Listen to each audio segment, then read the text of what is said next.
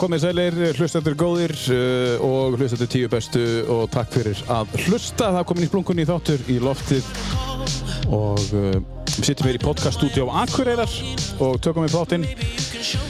Uh, stúdíu sem voru opnað núna bara í byrjun februar þessu árið 2021 og hér er gott að vera. Það er annar kostandi þáttarins psa.is. Getur þú fundið bara allt nánari um uh, það þú vilt koma í stúdíu og taka upp þáttinn eða líta hér við eða þú ert einhvers þar annars þar á landinu eða í heiminum og taka upp þinn þátt, ekkert við sem og svo er það kaffið.is sem að eh, er eh, hinn kostandi þáttarins og hann byrtir alla þættin okkar meðal annars og eh, segir fréttir að svæðinu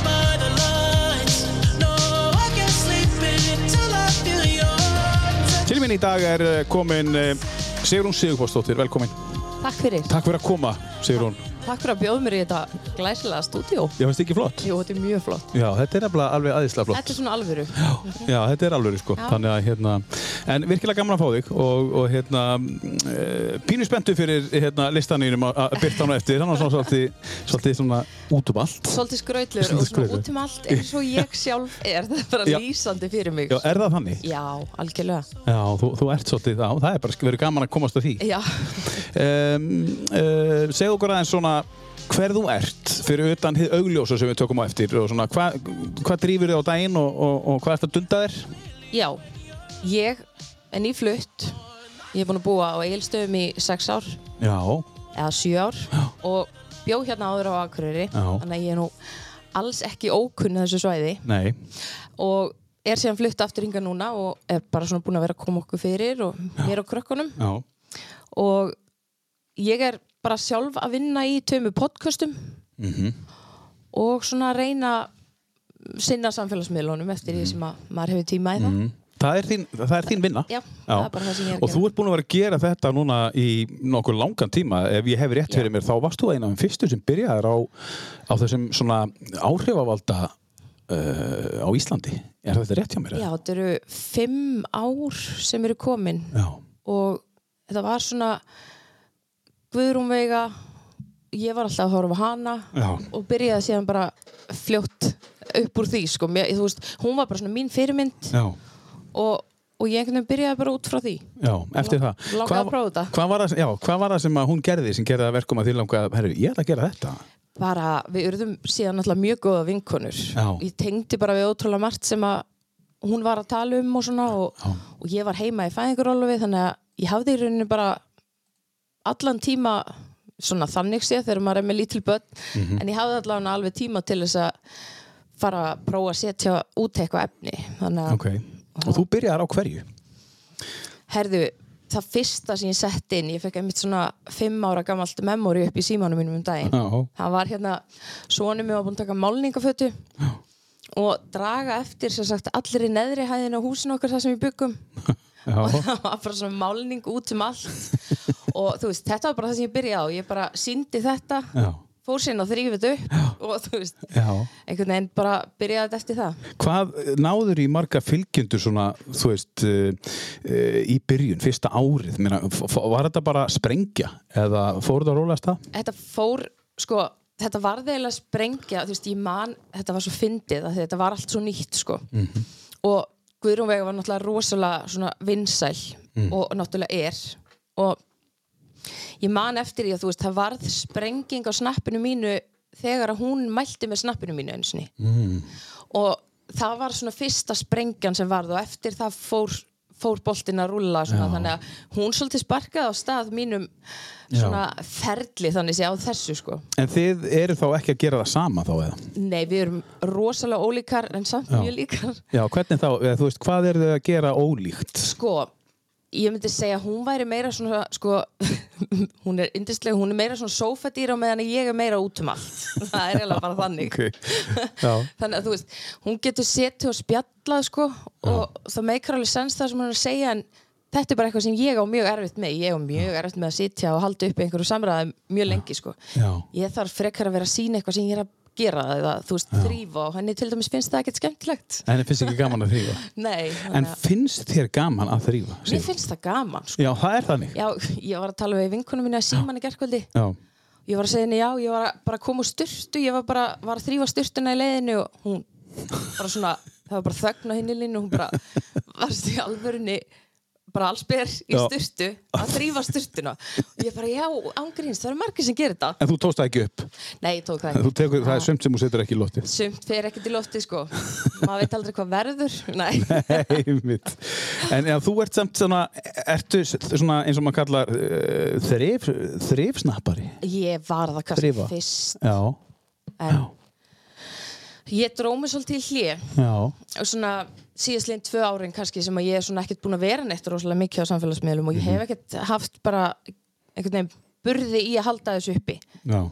Af hverju ekki? var bara gangi gegnum erfitt tímabil. Já, og, og, og það er einmitt svolítið það sem að þú dróst fram í mér í þessu list og ég hugsaði með mér Ásgeir, þú veist ekki hvað varst búin að koma þér út tíma ég er bara, þetta er, þetta er viðkvæmur tímapunktur í lífinu sko. Já, já, það er að segja listir og lögin Já. og, og sögurnar mögulega. Já, bara Já, alveg hægt að tengja margt inn í svona vanlíðan líka sko. en þetta er alls ekki þannig Nei. bara þannig tónlist, þetta er bara tónlist sem hefur haft mikil áhrif og stundum er það þannig að lög bara virkilega hjálpa mann að komast í gegnum tíma, og notar lög þannig stundum Já. tónlist, alveg Og eitthvað, eitthvað af þessum lögum sérstaklega eitt lag á þessum lista sem er bara, komur bara í gegnum verstu dagana það er bara repeat. Já. já, já.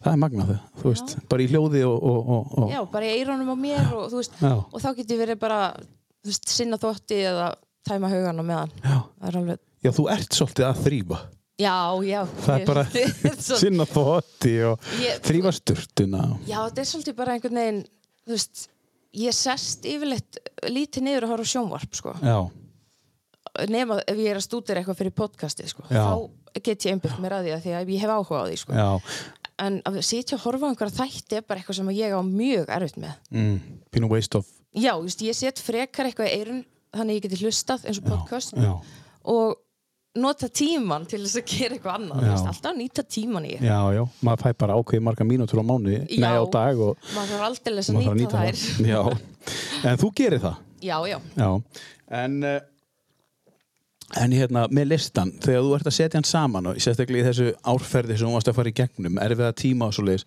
Já. hjálpar þér ekki að svona reyna hjálpar þér á einhvern hátt svona að komast að því hvað, hvaða tónlist það er sem er þér næst? Þú veist, er, er þetta ekki skemmtilegt svona fyrir þann sem hann úti sem að hefur ekki gert þetta sett saman tíulega lista er þetta ekki góð svona uh, samvera með sjálfum sér? Sko, í þessari grúski ég hugsaði með mér, ég verði eiginlega bara þakka ásker fyrir að hafa beðið mig um að koma í þetta podcast vegna þess að ef þú hefur ekki beðið mig um það þá hefði ég aldrei farið í gegnum það farið í gegnum allir þessi lög Einmitt. og það fyrsta sem ég hugsaði þegar ég las frá skilabóðin þú varst að tala um podcastið og velja tíu lög ég bara, ég hlust ekki á tónlist Nei, nei. Veist, en ég hlust alveg á tónlist ég er bara yfirleitt ekkert með kveikt á Nei. en lög sem ég hlusta á hlusta ég yfirleitt á af því að ég tengi Einmitt, veist, ég get alveg verið í stöðu og hlusta á einhverja tónlist en hún situr ekki þannig í mér. Nei, en að fara í gegnum þetta var eiginlega alveg magnað og ég var bara hálfpartin svona búin á því þegar ég var búin að koma listanum á já. blað. Já, þú varst með fleiri lög og þú þurftir að vinsa úr og hugsa, ég get ekki tekið þetta inn af því að ég þarf að þetta út einhverju ástæðu og erfitt að henda þessu lagi út Já. en ég þarf samt að gera það. Já, og ég reyndi svolítið svona að velja inn í þetta af því að það eru líka bara mörg lög sem að hafa bóðskap Mhm. og margt sem er svona gott að koma frá sér Já, já ég laka til hérna, að, að heyra uh, uh, heyra sögurnar í kringum þetta örgulega hlustendur sumulegis Já. en þú, uh, svona, þú ert sjálf með tvö mjög vinsæl podcast sem Já. eru inn á topp 50 eða á Íslandi eða ekki Jú, Já, segja okkur eins frá þeim ég byrjaði með podcasti Hvað er málið? Þar sem ég ákvað að taka bara svona alls konar mál. Mm og, og við erum að tala um bara alls konar sögur. Já, bara, Já, þú veist, ég er svolítið þannig að ég sekk mér rosalega í ímis mál, eins og til dæmis bara fyrsti þátturinn sem ég tók var um hvarfið á malasísku flugvilinni MH370 já, já, já. og hún náttúrulega bara hvarf og hefur aldrei fundist Nei, en þú veist, þeir telja sig vera búin að finna eitthvað brakurinn og eitthvað. Og þetta er bara saga sem að ég er gersanlega búin að fylgjast með frá fyrsta degi. Og ég einhvern veginn var svolítið að ræða einhvern tíman á snappinu mínu um Madeleine McCann sem að ég tók síðan líka í podcastinu. Af því að það var einmitt mál sem að ég var bara alveg með á heilanum sko. og það voru margir sem voru alveg bara veist, að spurja sko, hvort að ég gæti ekki tala meira um þetta á snappinu og ég hugsaði með mér, ég nenni ekki verið mynd að tala um þetta mm þannig að besta leiðin til þess að koma frá mér svona hlutum væri þá að gera podcast. Já. þetta var ég farin að hlusta svo mikið á podcast sjálf þannig Já, að þannig að þú ákvæmst að henda þér bara í Já, það. Já. og ég bara, það er bara leiðilegt hvað ég hef lítið náða gefa frá mér undanfarið en það er margir sem spurja mig hvort ég sé hætt með podcastin en það er alls ekki þannig það, er bara, það er bara þannig tímar að veist, ég þurfti aðeins að fókusera á aðra annað. hluti Að- já.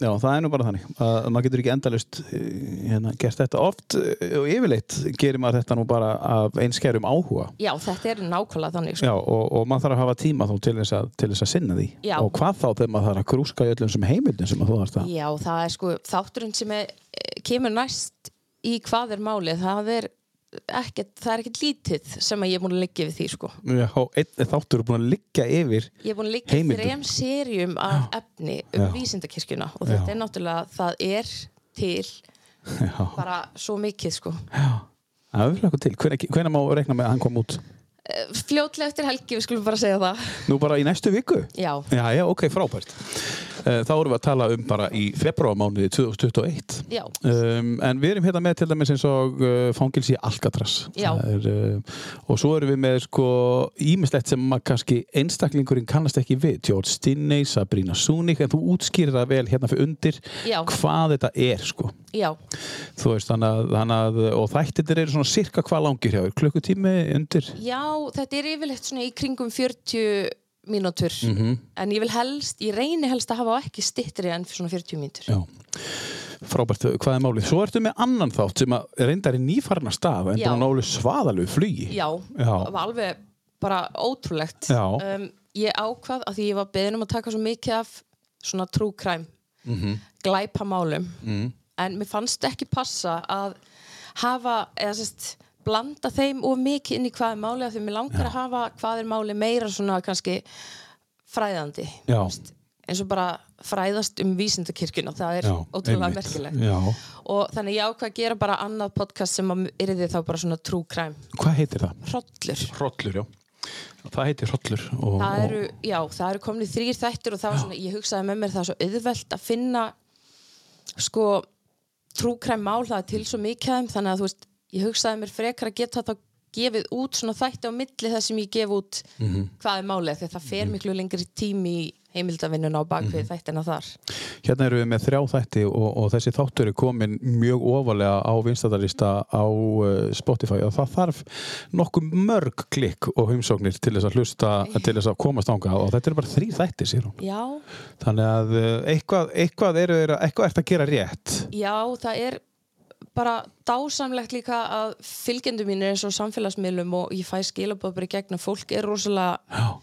duglegt við það að láta mig vita hvað ég gerir vel í þessu Já. og til dæmis bara það að vera skýrmæltur þú veist, það skiptir mig rosalega miklu máli Já. og að vera svona þokkala veltalandi ég reyni til dæmis að sletta sem minnst Mm tala ég. mér finnst bara mikilvægt að veist, hafa þetta vandað Já. og Og leggur mikið upp úr því. já og bara vanda heimildirnar Já. svolítið Já. og svo er, ég náttúrulega það er eitt að lesa upp þættin og svo tek ég kannski marga klukkutíma í hljóð á bakvið sko Já, já dett- bara klippa einn þátt. Nei, bara að setja inn alls konar hljóð með þess að gera meiri upplifun eins og þegar ég gerði flugslýs í Andesfjöllunum þú veist, Mm. þegar ég er að tala um snjóflóð þá, þá er snjóflóða hljóð á bakvið mm. skilur þú veist, mér finnst það svona Já, þú ert að tala um hérna Alive myndin. já, Já, það gefur manni svolítið svona auka upplifin og þetta er til dæmis það sem ég tek eftir með mörg af þessum lögum sem ég sett á listan Já. að það er rosalega mikil eða tónlistin undir hefur svo mikil áhrif á valið Já. og, og til dæmis bara það er alveg gegnum gangandi í þessum lögum að það er fyrirla í þeim rosalega mörgum Já.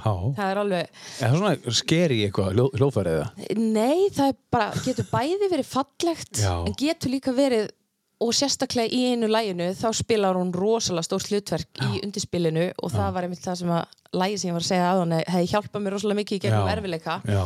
þar er það bara fiðlan og undirspilið sem er það crazy. Mhm. það er þetta tjá svo margt með hljóðfærunum sko.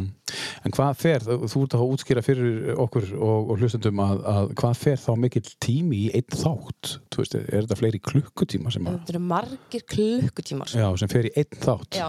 Þannig að fólk getur nú ekki verið heima og sagt, hei, hvað er næsti þáttur? Þegar að, Nei, þetta er svona kannski þú veist, eins og ég hef ekkert gert til dæmis, ég hef ekkert lagt mig fram í að vera eitthvað að reyna að Já. fá mér sponsora á þættina Nei, þannig ég er með, ekki? ekki með mikið auðlýsingum vegna þess að ég þarf fyrst að koma þessu svona ég þarf eins og til dæmis núna við náttúrulega vorum að flytja Mhm. og ég er bara búin að vera mér að því að koma börnunum mínum í nýjan leikskóla Mhm. og stráknum í skóla og svona og ég tók bara ákvörðun tölvert fyrir jólin að erum ekkert að þú veist svona pressa á mig með nei, podcastin nei, einmitt. og gera þetta ekkert að einhverju alvöru Já. fyrir en þá ég væri búin að koma mér í rútínu hérna Þannig að þú sért ekki að skuldbundað einhverjum kostanda. já, Já, Þannig góð, góð, vel gert hjá þér.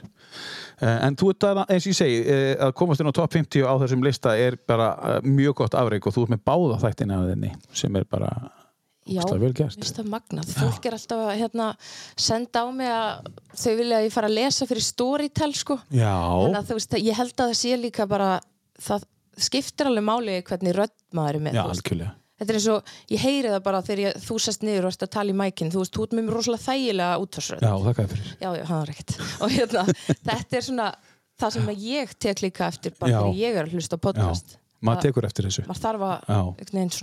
geta Já, hlusta já, engin spurning. En uh, förum dýbra í þetta allt saman. Uh, byrjum á listanum, segir hún, og, og hérna, þá bara spurning, uh, við erum með tíu laga lista fyrir, fyrir fram á okkur og, og ef þú ert að hlusta á tíu bestu í fyrsta skipti, þá er þetta þáttur sem að virka þannig að Sigrún í þessu tilfelli kemur hérna bara með tíu laga lista sem er bara hennar uppáhals uh, lög. Já, já, já, Eða einhver lög sem að tengja við einhverja sögur, eitthvað sem þú vilt segja frá. já, algjörlega Já, þetta getur verið svolítið vítt. já, alveg svo mörg uppáhaldslög þetta er alveg svona, já, Já. Það er erfitt að velja, það, Það er er, erfitt að velja. ógerlegt að velja tíu, tíu uppáhaldslög, sko, en þetta eru þá allavega ein af tíu uppáhaldslögum. Já. Já. En hverju eigum við að byrja á? herðu, ég ákvaða við myndum byrja á hressunótunum áður en við förum í dramatíkina sko. er það ekki? Nei, það er bara mjög góð hugmynd. það er alltaf gott að byrja á spá disco eða rocki, sko. Já, og ég er rosalega mikill Eurovision fan Já. þannig að við byrjum á uppáhalds Eurovision læginu mínu Já. sem er með Helenu Paparizou Já, ok. Þetta Og fyrir Greiklandi? Já, Já. þetta er skemmtilegasta danslag ángrínis, sem ég hef örgulega beðið um þetta lag hverju einasta dansskólu þar sem ég hef stíið inn á sko. það er svolítið. það er svo geggja að dansa við þetta sko. en þetta er alveg já, eitthvað svona sem ég tengi við bara þegar við stelpunum vorum að fara út og þá hristu við rastum við þetta lag alveg hægri vinstri Nú, það er svolítið. Já. Og þú gerir ennþann dag í dag? Já, bara í laumi sko. Bara í laumi, Dansarðu einhver- heima hefur Segjum ein- einhver frá því Nei, ég gera það nú ekki sko Nei, þú dansar ekki í sturtu og þurfið sturtunum á sama tíma? Nei, ég þrýf hana, ég er að einbytta mér þegar ég er gera það Já, ok. Herri, við hefum leikinn hér með Helunu Paparís og My Number One.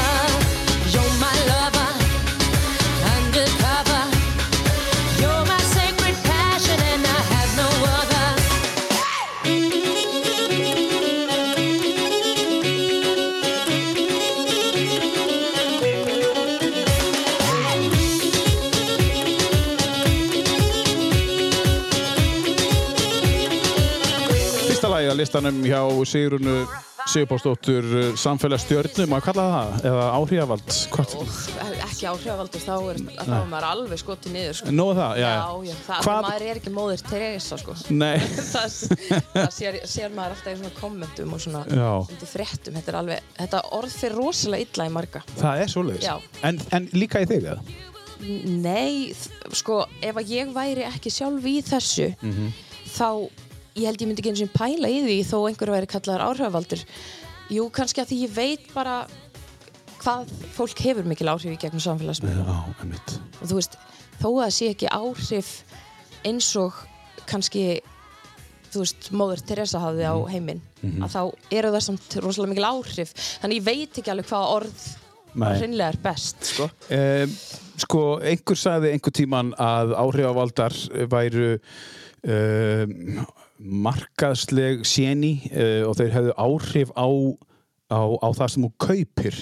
Já, já, já. En, en, en sko uh, að þú telur móðu Teresu hún hefði engin áhrif á það hvað þú verslar inn á heimilið. Nei, það var öðruvísi áhrif sem hún hafði Já. en þú getur haft alveg bullandi áhrif á eitthvað eitt merki.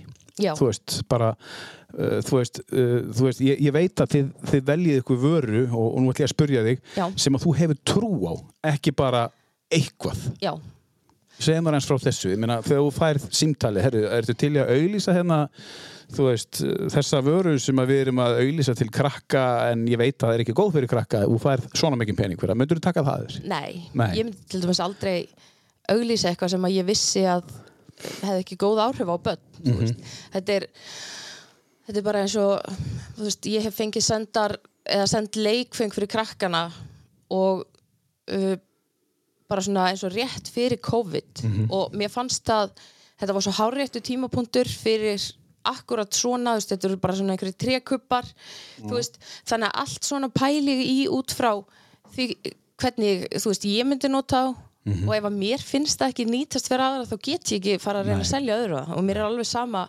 þú veist, fyrir mig þá tek ég ekki peningana fram yfir það að þú veist, leggja nafni mitt við eitthvað sem að er ekki eh, þú veist, í lægi ef þú ætlar að halda áfram þá náttúrulega verður að gera það. Já. en ef þú ert að koma bara og stoppa stuttu við Já, og ætlar að hyrða eins mikið þú getur þá Já. kannski myndir maður að gera það en þá er maður kannski fann að selja svolítið sálu sína. Já og þetta er líka svolítið sko, þú veist, þú sérð svolítið munin á því þeir sem að koma inn og eru bara að deila lífi sinu og hafa gaman af því að þú veist, eiga í samskiptu við fólk og svona. Og svo eru aðrir sem að eru bara meira að gera þetta út af markaðs Já, hliðinni sko. og þú veist, út af því að þeir ætla uh, þú veist, afla tekna á þessu sem er bara gott og blessað Mhm. En skinnjar það fljótt, sérðu það fljótt sérðu fljótt að þú komir lengur en aðrir sérðu fljótt þegar uh, einhver er farin að selja hugsa meir um peningin en Já, vöruna. ég, hef alveg séð ég hef alveg séð sko breytingu á fólki Já, út frá því, þú veist og þá er ég ekki að tala niður til eins eða neins Nei, sko, nei. þetta er bara svona, maður sér náttúrulega alveg þessa þróun, þú veist Mhm. að fólk kannski byrjar náttúrulega bara rólega en svo náttúrulega fara fyrirtæki að sækjast meira og meira eftir uh, samstarfi við svona stærstu, stærstu aðalana kannski Mhm. og ég meina það er bara aðlilegt hvað ertu með marga fylgjendur? Ég er með, hvað er, 10.000 eða tæplega 11.000 á Instagram Já. Ég er svo nýfarin að nota Instagramið mitt sko. Já. og ég er svona eiginlega meira búin að vera á Instagram. Já, er þetta færa svolítið úr, af Snapchat og þangað yfir? Já, mér finnst það sko. Sérstaklega núna fyrst var ég bara alls ekki tilbúin fyrir þessa breytingu sko. Nei, en svo ósérlátt einhvern veginn eftir ég flutti fór ég að vera meira á Instagram. Af því að mér finnst snappið er einhvern veginn miklu nær mér.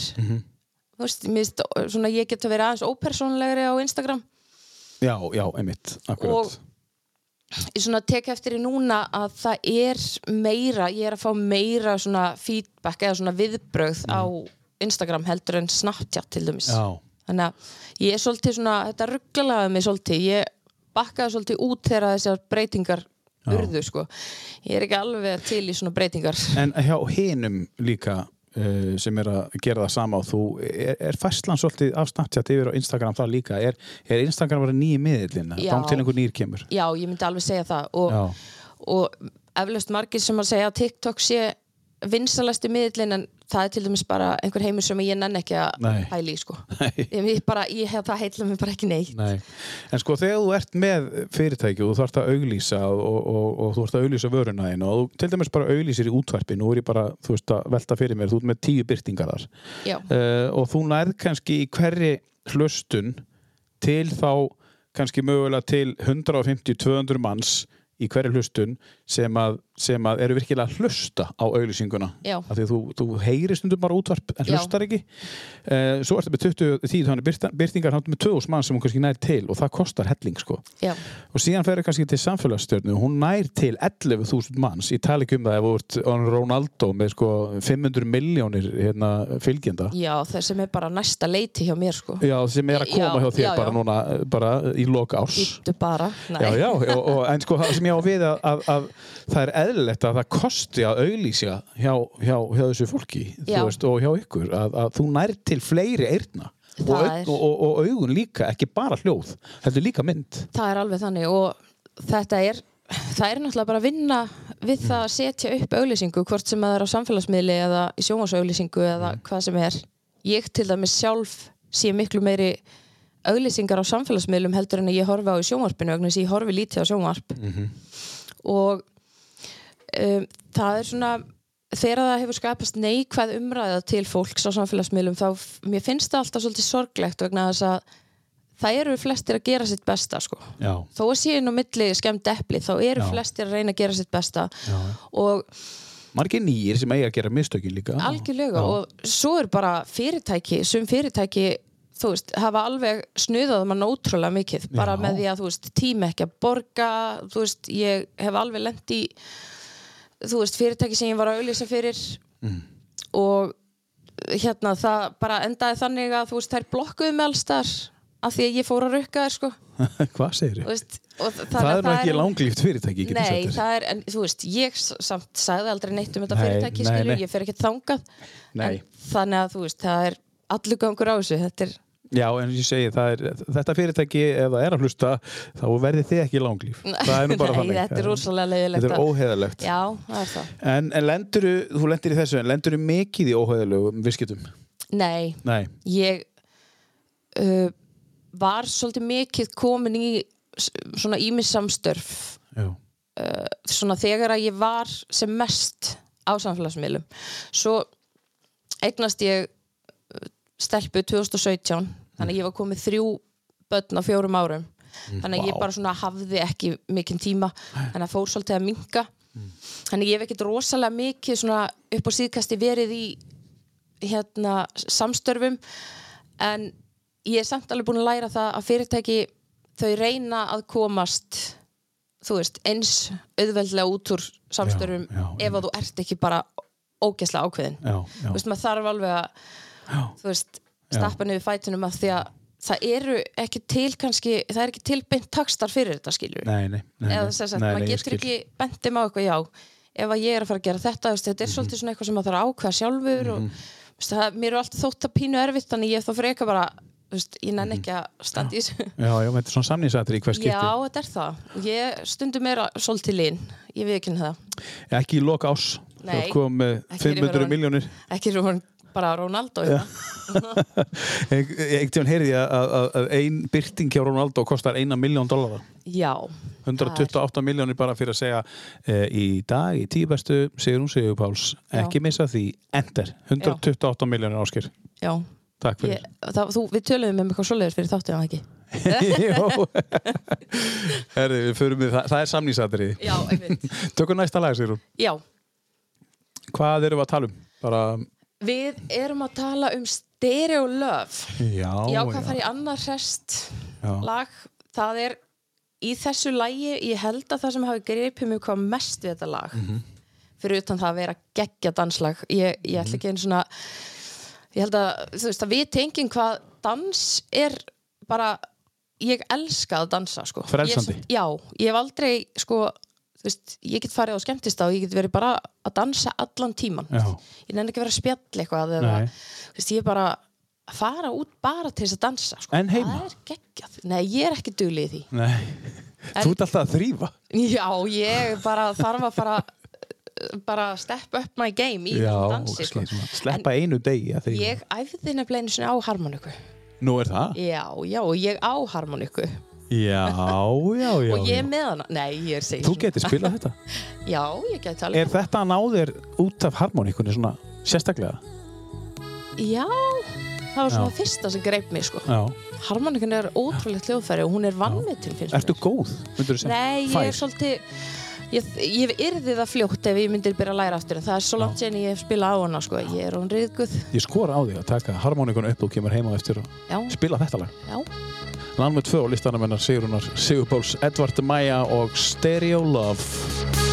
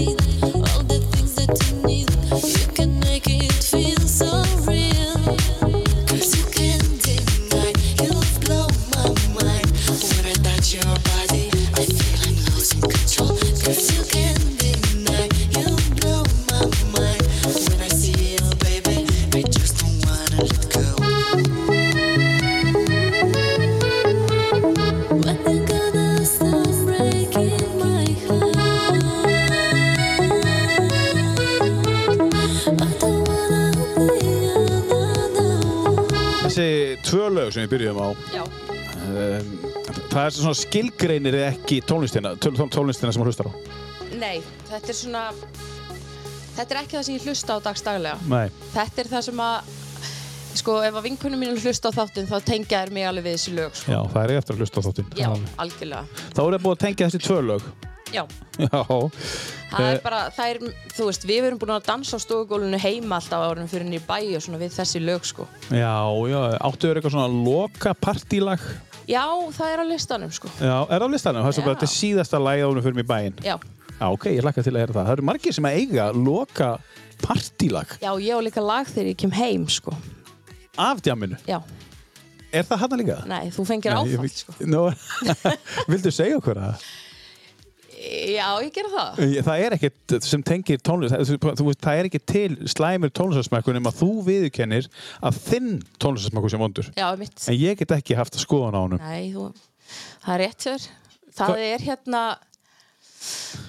Rósin með, Já, já, já, já Það er svona ákveðin stemming þegar þú kemur heim til Sko. þetta jammið það er bara eitthvað. Áttagerisbræður eða? Já, Já, það er svoleiðis Altgersbræður eru hafa oft verið á mínum fóni sko. Mhm. Já. Ég hef líka ættir að rekja í skagaferðin mér þykir vænt á það. Og Hvað, hérna, hva, hvert þá? inn í tunguháls. Mamma mín er hérna á systur þar. Já, já, já. Og æ, mikið hestafólk þarna í skagaferði sem að sem að er frændfólk mitt Já. þannig, Þegar þú kemur heim, já, þá er klukkan oft orðið svolítið rúmlega. Já, Þú veist, ef, að- ef það er eðlilegt, ef það er ekki COVID. Já Þannig að klukkan bara 5 mínútur yfir 10 á kvöldin eins og staðan er núna. Já, En algjörlega þannig er klukkan kannski áriðin svona 5 já, og ert að spila þetta hátt þannig að nágræðan er líka fá að heyra. Já, ég hef, gæti trú að svona eitt og eitt skipti eftir, eftir gott, gott partí nýr bæ þá hafið þeir fengið að vakna við þetta sko. Það er nú ekki slæmt að vakna við þetta Þetta er, ég hefði alveg getið verið með eitthvað verra sko. Já, Alveg þetta er að bara sittilega flott sko. Já, En þetta er svona lægi sem að þú þarfst að heyra áður um fyrir að sofa eftir að búin að skemmta þér Já og, og þú veist, á meðan ég er að ganga frá vegna að ég vil ekki vakna morgun eftir með allt í drastli. Ertu að þrýfa í alveg á nóttinu líka? Já, þú veist, taka allar dósir og þú veist, Já, það er svo góð tilfinning að vera já. búin að taka til þegar þú vakna morgunin eftir. Er Og þá ertu með þetta Já, Veistu eitthvað þetta er flott. Ég myndaði stemminguna heimi á Sigrúnu bara svona 5 Bara með allt að gerist bara um húskaða ég fyrir sagði um þér ég væri sérstök sko. Nei, nei, þetta er, það er ekkert við þetta, þetta er bara eðlilegt. En við skulum vinda okkur árum höldum áfram með, með spjallið. Bara strax í því næsta lag. Uh, aflistan er um lag nummer þrjú. Síðasta lag við förum á jammið. Já, áður fyrir maður tjámi, já, Já. hvernig væri það? Ha- Tengja það saman. Tökum Billie Jean. Já, já, já, já, já, já, já. Það er svona, Þá verð ég að spyrja þig. Já Eh, 2009 27. júni að minni rétt. Hvar varstu stödd þegar þú fjast fréttinnar að hann væri látin? Ég man það ekki. Þú manst það ekki? Nei, ég man það ekki. Ég man hvar ég var sko þegar Diana Prinsessa dó Já. og, og, og fleiri en ég man ekki hvar ég var þegar Michael Jackson dó. Nei. Þannig að þetta snertið ekkit svona sérstaklega? Nei, ekkert, ég var sko já, í ástarhatur sambandi við lögin hans, Já. þú veist, bara út af sögunni hans, skilur Já, þannig að já, ég mér finnst alveg svona, já, ég var alveg á mörkunum. Á ég að hafa þetta með, svo Já. bara jú, þetta er eitt af mínum lögum. Þetta er bara svo flott lag. Ég meina, hann hefur ekki verið dæmdu fyrir neitt. Nei. Hann hefur bara verið ásakaður. Algjörlega. Og, og við vitum ekkert meira uh, Eina sem við vitum er að tónlistin hans er ógeðslega góð ef þú fýlar er það, og Já. bara einhvern veginn veist, hann var svo mikill listamæður og Já. fleiri sviði heldur en bara að syngja. Já, já, já, ég meina hann var bara mikið listamöður og... því líku dansari, sko, ef ég næði einhverjum af þessum múum, þá er ég glöð, sko er, er, er það ekki skildan í lokalæginu í Ég partíinu? reyndi rosa mikið að gera moonwalk til dæmis. Já. Ég held ég að vera svolítið góð í sko. Það er svolítið erfitt sko. Það er svolítið erfitt, sko.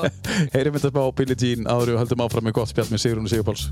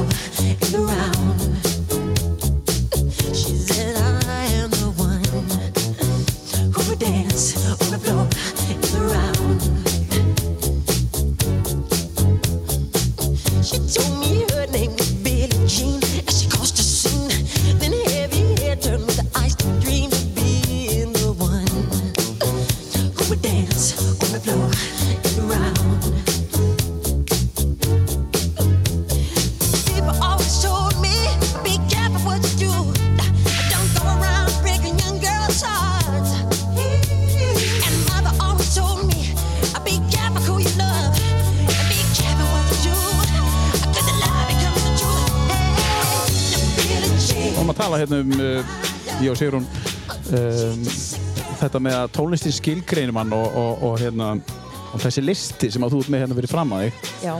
Þú ert á einhverjum tíðanpunkti á einhverju, þú ert að opna þig svona meira en þú hefur gert og þá getur útskýrt af hverju og af hverju tón, hvað tónlist gerir Já, ég áttaði mig ekkert á þessu fyrst. Ég byrjaði að týna saman einhver lög og svo ég með mér, af hverju er ég að velja þetta lag? Og svona í kjölforið opnaði ég á alls konar bara minningar og tilfinningar sem að ég annarkvort bara hef lítið talað um sérstaklega ofinberlega og svo sumt sem að ég hefur rauninni bara kannski lokað svolítið á sjálf.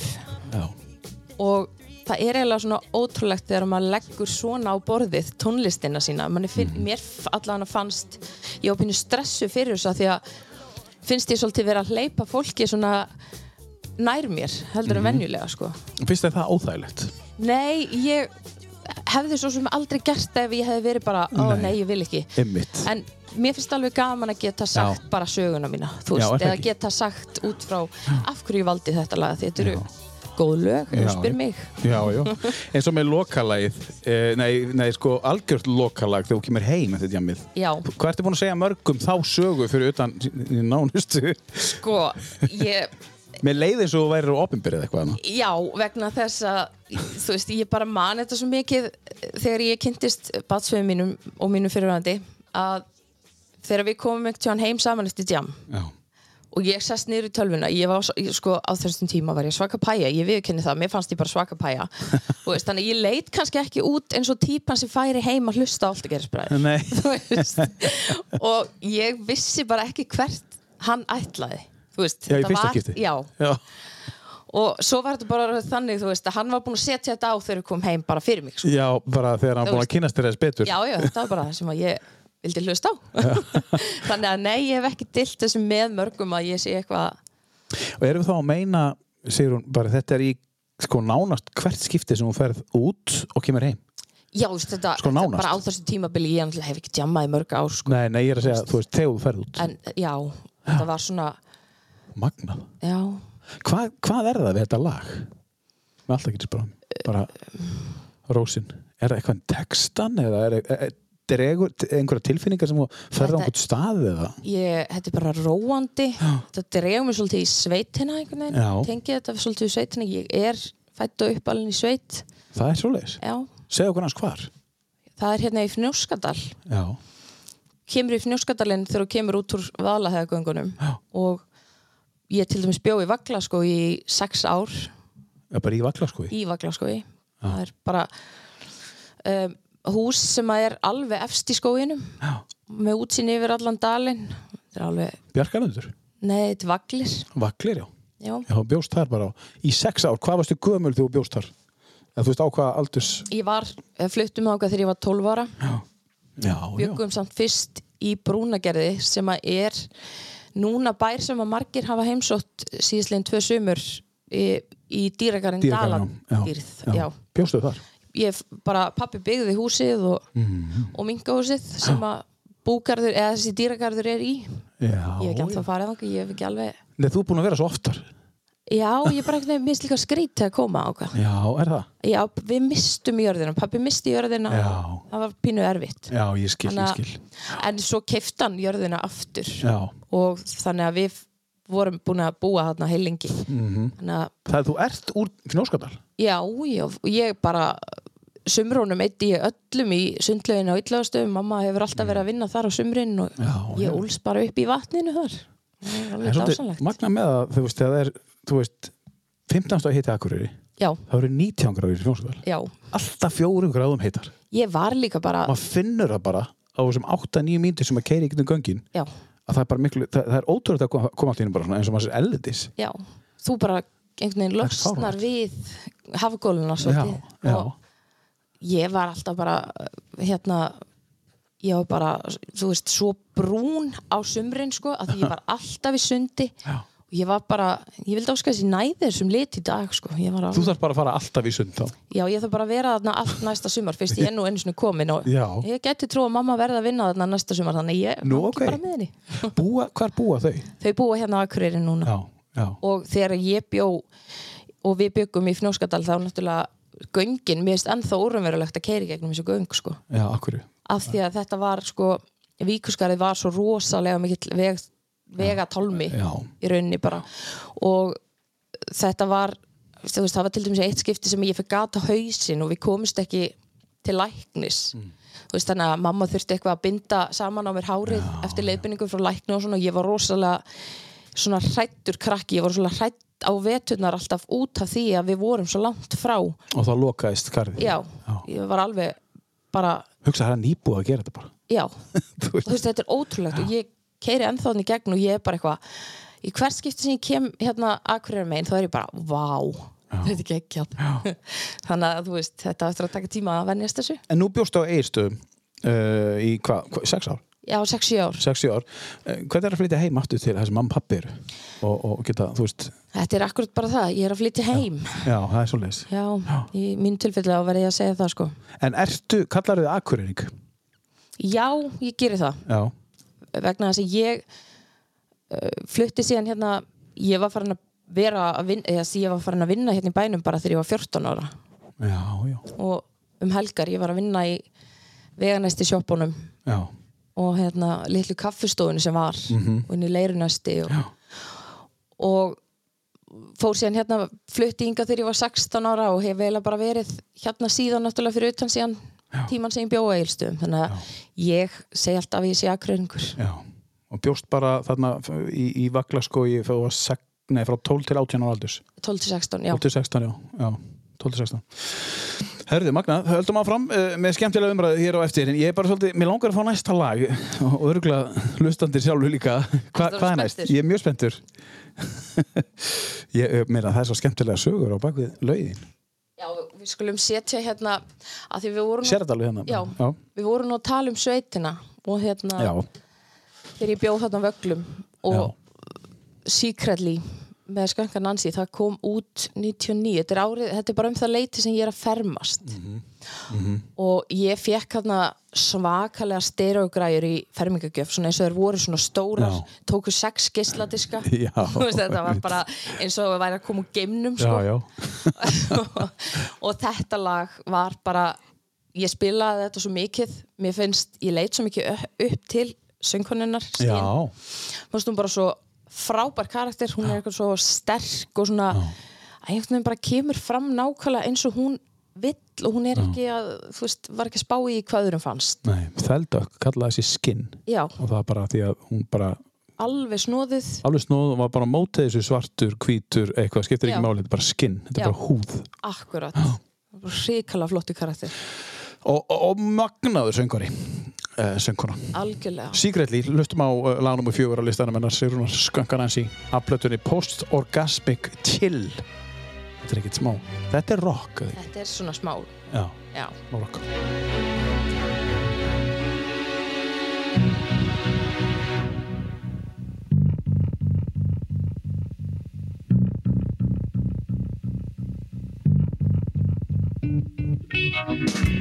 I've time. Been so subtly kind. I've got to think so selfishly, cause you're the face inside of me. I've been biding my days. You see, evidently it pays. I've been a friend with unbiased views and then secretly lust after you. So now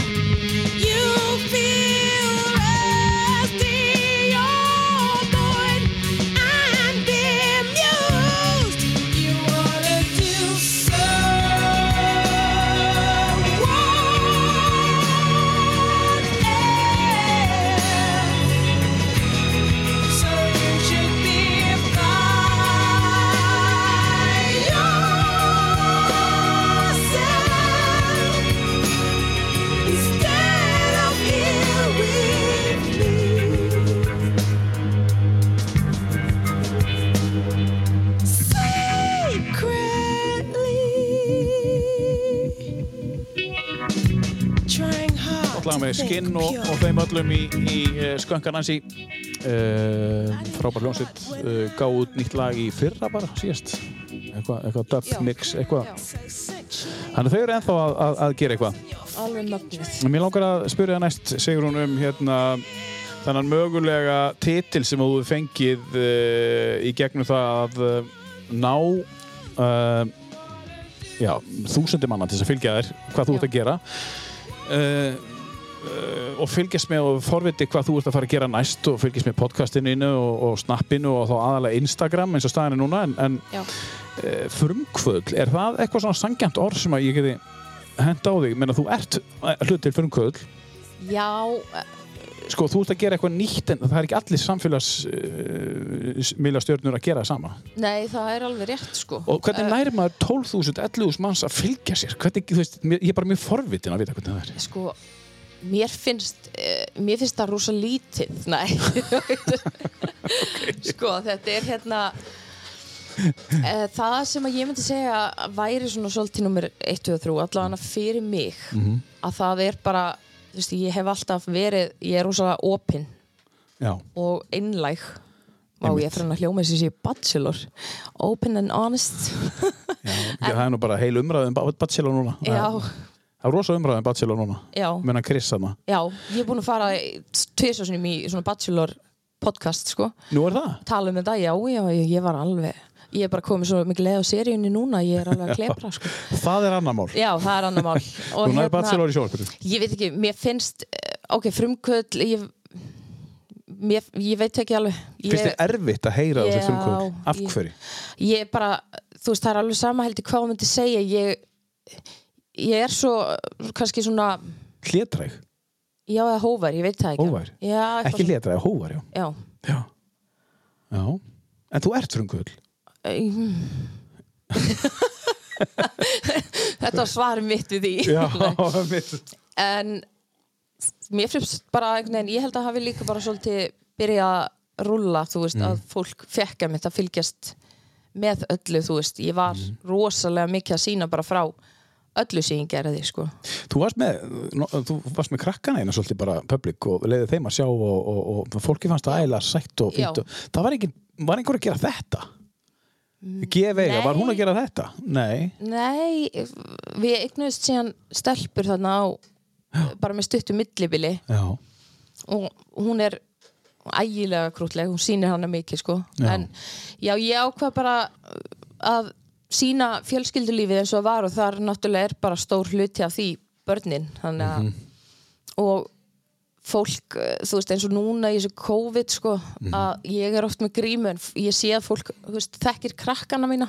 Það er, það er oft þannig og þú veist, fólk heilsa mig stundum og segir svona, þú veist, ég var ekki alveg viss en svo sá ég hann. Já. og þá, þú veist og þetta hefur náttúrulega oft verið umræða maður er ekki vera hérna þetta sé brot og persónuvernd eða eitthvað svo leið sko. já, en ef að sonu minn sem er orðin 7 ára til dæmis og dótti mín sem er að verða 18 ára hún er rosa sjaldan inn á samfélagsmiðlunum mínum vegna sem ég er ekki að tróða símanum í henni skilur, hún er alltaf bara og ef að strákarnir þú veist, þeir eru 5 og 7 ára þeir hafa alveg vitað að ef þeir vilja ekki að ég sé að taka mynda sér þá bara ger ég það ekki. Stopp. Já, en svo er á ég aftur eina þryggjar sko, sem að sest niður og segja mamma, viltu taka mynd af mér? Að en ég hef rosa lítið verið að sína frá þeim svona undanfari, ég svona tók svolítið skref aftur og bak í þessu Já. En ef maður er að, þegar maður er að opna lífsitt fyrir öllum þessu fylgjendu sínu, það maður ekki, ef þú verður með þetta lokað, væri að hluta til ekki þá bara ekki alveg jafn persónleg, þú veist, svona, þú ert leiða fólki, þetta er bara líf þitt, Já, þú veist. þetta er bara líf mitt og ég, þú veist, þetta Já. snýst um lífið mitt og það er fullt af foreldrum aðna úti og, og mér fannst rosalega mikilvægt að sína góðu og slæmu hliðarnar. Er ekki orðin þessi persónulög bara, þú veist, ég veit að mér fullir veringu fyrir þeim sem eru búin að setja þau og alþingi og allt þetta dót. Er þau ekki bara er þetta ekki orðið svolítið ykt þú veist, þá er ég að meina sko ég fæ hvergi upplýsingar um neitt eh, og þá má ekki taka myndir og þá má ekki senda myndir frá leikskólanum til okkar og, og þú veist, nema í gegnum einhverja ákveðna aðila, ég má ekki senda sko kennaranum bara, herru, hæ herru, hérna, við glemdum hérna þessu, þú veist, hérna, þú veist ekki senda mig prívat persónuleg skilaboð, þetta þarf alltaf að fara í gegnum. Er þetta ekki orðið svolítið sterilt og leðilegt? Þetta er gott að mörguleiti Já, þetta er að mörguleiti nöðsilegt Já, og en- að mörguleiti er erfitt að venjast þessu saman rosalega. Og þetta er sko þetta er bara eins og ungt fólk með síma í dag. Mm. það er svona mér finnst svolítið að það þurfi að vera einhverju löggjöf sem að gera það að verkum að krakkar séu svolítið verndar fyrir þessu já, að já, sammála. En þú veist, þegar kemur að leikskólanum þá finnst mér til dæmis eiginlega frekar skrítið þegar ég er að svara því hvort að megi taka mynd af barninu í leikskólanum Ég er að að gera eitthvað. Ég er að meina veist, það. já, En við erum Þannig að býða eftir að fá myndir af börnunum já, einmitt. Og þú veist, þetta er svo mikilvægt bara að fá að vera hluti af lífinu þeirra því þau eru kannski hluti af deginum í leikskólanum þannig að en að, svona, svo er hinn hliðin þú veist, það er, mér finnst rosalega slæm þróun til dæmis bara þegar maður sér að það er að ganga einhver vídeo á samfélagsmiðlum af einhverjum sem að, veist, þetta er svo skadalegt Já, og þetta er hefur svo sko. mikil áhrif Ég er ekki að tala um það sko. Mér finnst það eðlilegt Já. og, og, og mörguleiti bara mjög fínt en sko einhver staðar væri hægt að draga einhverja línu að því að þú veist uh, má ég taka mynd af badinni hennu? Þú svarar eftir tímitur, já, Já. að momentið er farið sorry, akkurat, bara, oh, já, þú mátt taka mynd bara næst. Já, Að ég einmitt. þarf samt að spyrja því sko. Já. Bara þú, þú veist, þú verður annarkost að gefa samþykki eða bara ekki neitt, en Já. svo er þetta líka sko, ég, eða svona mér finnst það ekki vera hægt að eins og fólk segir stundum, já, þú veist hvað ef að hann eftir tíu ár vill ekki að þú hafið sett þessa mynd af bara, það, þá bara fussa ég sko. Já, það er þessi veist, nálgun sem já. ég er að tala um sko ég ákveð sjálf hvað ég set inn af Mhm. börnunum mínum og þú veist sem betur fyrir fólk ekki að screenshotta myndir af krökkunum. Það er náttúrulega alltaf hættan á því. Þú veist þetta er alveg ímislegt takt Já, í þessu en þú veist, það er bara að velja vandaða hvað þú setur inn, við erum ekki að setja myndir inn af þeim á veist, mér finnst það til dæmis bara það er eitthvað sem að ég myndi ekkert endilega gera, skilur En með þessu er verið að, svolítið að uh, sko, ráðast á uh, bara frelsi þitt sem móðir bara, þú veist, bara þú mátt ekki vegna þess að mögulega badni þá er átján og þá vill það ekki. Já, en þú veist, hvað hefur þá að gera? já, þetta er þetta er einmitt eitthvað sem að ég hef mikið pælt í líka, sko. Já. Og ég tók það ákvörðum bara veist, ég sé bara um þetta ég tel Mhm. mig nógu skynsama til þess að velja hvað ég set inn að þeim Svo skal ég bara eiga við börni mín þegar hún átján ára. Já, svo skal ég bara díla við Þetta var það mér að kenna, Já, skilur bara, nákvæmlega. sorry Ég, dóttir mín er alveg að vera átján ég hef ennþá ekki lent í því Nei. og hún hafi farið að erfa það við mig þó ég hafi Nei, við höfum oft verið að grínast eitthvað og það er Já, allt já. með samþykki hennar þannig að það er bara frábært Já, þetta var bara gott svar við því hvort þú verið frumkvöld eða ekki. Þetta var, bara, Já, þetta þetta var, þetta var stuttasvari þú ferð aldrei stutt að svara hjá mér. Herðu, uh, dembum okkur í lagnum 5 uh, að þessu frábæra listaðinum. Já, ég held við ættum að setja á Imagine Dragons. Já, ok. Þetta er eitt af mínum uppáhaldslugum sko. Já, Demons. Demons, djöflar. Já, Er eitthvað á bakveðna texta sem er eitthvað svona segja okkur eitthvað? Uh, Nei, það bara þú veist, það koma dagar þar sem manni finnst allt já, grátt og leiðilegt og þú veist, það er rosalega eðlilegt að líða þannig. Já, algjörlega. Og mín túlkun á þessu lagi er svolítið þannig að heimurinn er ekkert alltaf voðalega fallegur og það er auðvelt að missa sjónar á svona sakleysinu sínu. Mhm. og og þá þá maður ekki bara leifa því að koma þú veist að þetta er eðlilegt. Já, og, í- við kann þetta sé eðlilegt. Já. þetta er tilfinning. svo finnst mér sko í auknum mál, mæli að þú veist, fólk er orðið ótrúlega feik svona til að láta allt líta Mhm. vel út. En innra með þeim er kannski bara allt í steik. Og- einmitt. það er svolítið svona það sem að ég heyri í þessu lagi. Og við höfum öll okkar djöfla að draga og það er eðlilegt. Já. vel sagt. Þetta er Imagine Drag- Dragons og Demons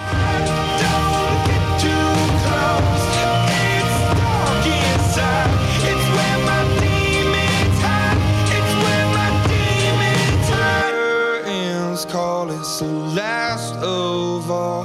When the lights fade out all the sinners crawl. So they dug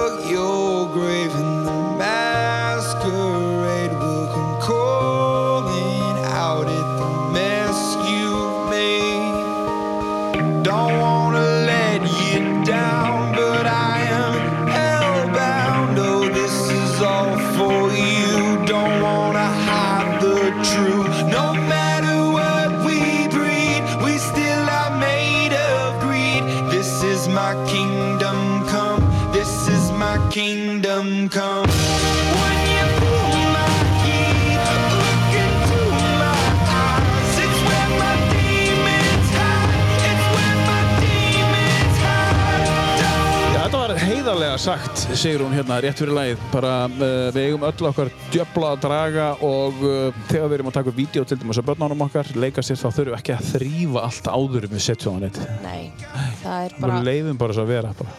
og ekki setja óreinhefar kröfur á ungar mæður það er bara alveg nóg að takast á við mæðra hlutverkið Já. eitt og sér Já. en að þurfa að reyna að vera með allt eitthvað Eru settar óraunulega kröfur í þjóðfélaginu, bara með öllu, öllu tilkomu uh, internetsins, punktur. persónulega finnst mér það, já, Já. alveg rosalega og ég held að þetta sé það sem að við erum að sjá mikið núna að mæður eru ofta að lenda bara á vegg og það er svolítið það sem ég upplifði Já. og ég held að um, það mætti vera meiri svona meira aðhald í eins og mæðravernd Mm. að svona kannski bara koma aðeins inn á þetta að Mhm. Láta mömmun að vita það að hún, hún þarf virkilega að hugsa um sjálfa sig. Já, einmitt. og ég, það er alveg gert upp að einhverju marki sko. Já, en já, þú veist, þetta er svona, ég fann þetta svolítið sjálf þegar ég var komið með fleiri börn og ég var komið með samfélagsmiðla að, að mér, það kom bara að pressa á mig fannst mér að sína allt og fínt og, en ég sem betur fer bara, þú veist, þurrkaði það fljótt út á borðinu En þú fannst fyrir því samt á byrjun og ef þú hefur ekki þurrkað út þá hafði það mögulega mótað þig já og það gerði það að sumu Já. leiti Já, það er alveg að sumi leiti ástæða fyrir því að ég klæst á vegg sko. Já, já. Og svo komið svona einhverja óraumurulegar kröfur sem eru uh, bara ekki í takt við raumurulega líf. Já, sko, og þú veist, þetta er bara eins og ég hef sagt við vinkunum mínar að ef ég ætti að geta haldið uppi einhverju miðli sem að væri sko, þar sem alltaf væri alltaf fínt heima hjá mér og samt með öll börnin Mhm. og þau ægilega vel til höfu og fín og snýrt þá þyrfti ég að vera með sko, eina til tvær aðstofamanniski sko.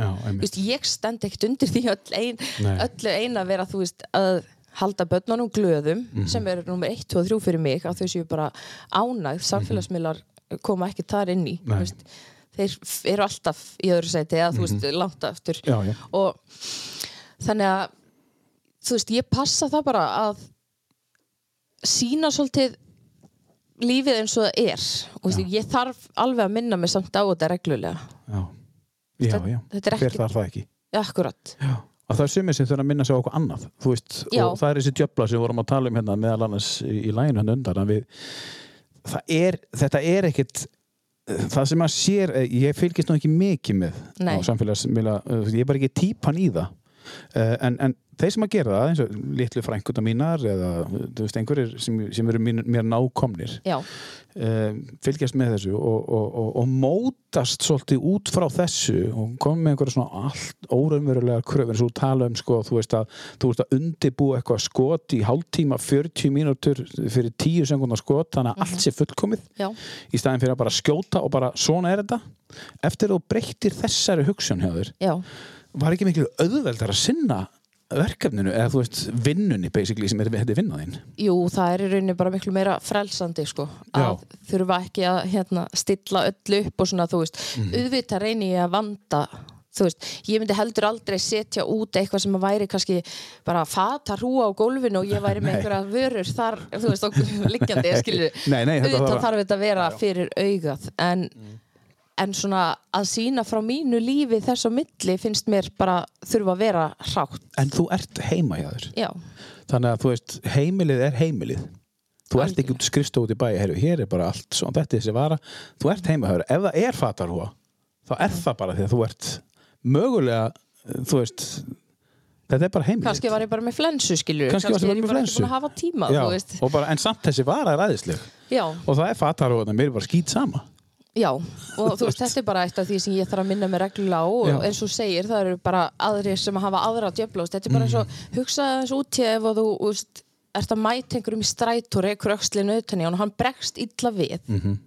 þú veist, í staðan fyrir að bregðast illa við á móti þú veist, að lappa frekar í burtu að kannski brást hinn aðlum bara við vegna að hann var að fá ömulegar Einmitt. eða þú veist, honum líður bara virkilega illa þú veist, þetta er svolítið svona við þurfum svolítið að. Slaka á og gefa hvort öðru meiri sjens Já, ok, Finnst góð mér. punktur, góð punktur, bara virkilega góð punktur og, og sérstaklega þetta sem þú átt að nefna með strætóin þetta er, þetta, á, þetta er svo vítt sem þú átt að segja Já, þetta að, skapar oft Já. svo leiðinlegar aðstæður að Já. bara það að hafa ekki þúlimaði fyrir náunganum á, mjög góð punktur það var eitt sem að sem að uh, sem sagt, uh, fór á kaffehúsi veitingahúsi eða hvað var sko og uh, það var ungur uh, kona, uh, drengur afgræðar, ég held að það hafi verið kona hún uh, átti bara erfiðan dag og hún var bara dónaleg. Já, hann gekk á hana og bara hei, ég veit bara alveg þjónustu hérna og, og það gekk þannig að hún brotnaði niður fyrir framan hann og fór að gráta þegar táraðist skilur og, og þá steig sko sem, sem við hliðin á íttan með burtu og sagði bara, þú veist, þú veist er allt í lægi Já. þú veist, og, og, og kom bara, þú veist, vilt ekki fara og bara afsýðis og klára þín mál veist, og, og bara sendu bara einhvern annan fram. Já, og, og, og uh, þarna séu bara tvær þetta eru bara tveir einstaklingar í röð og, og, og eitt brást svona við og vildi bara fá þjónust strax og þú gerir bara sem ég segi. Já, eða þá að bara, herru, þú áttu bara greinlega erfiðan dag og bara, það er eitthvað að gerast hjá þér. Maður veit ekkert hvað er Nei. að gangi í gegnum hefur ekki hugmyndu það, en hún er í vinnunni og er ógislega dugleg, já, en hún bara getur ekki meir, nei. Akkurat, og svo má alveg snúa dæminu við Já.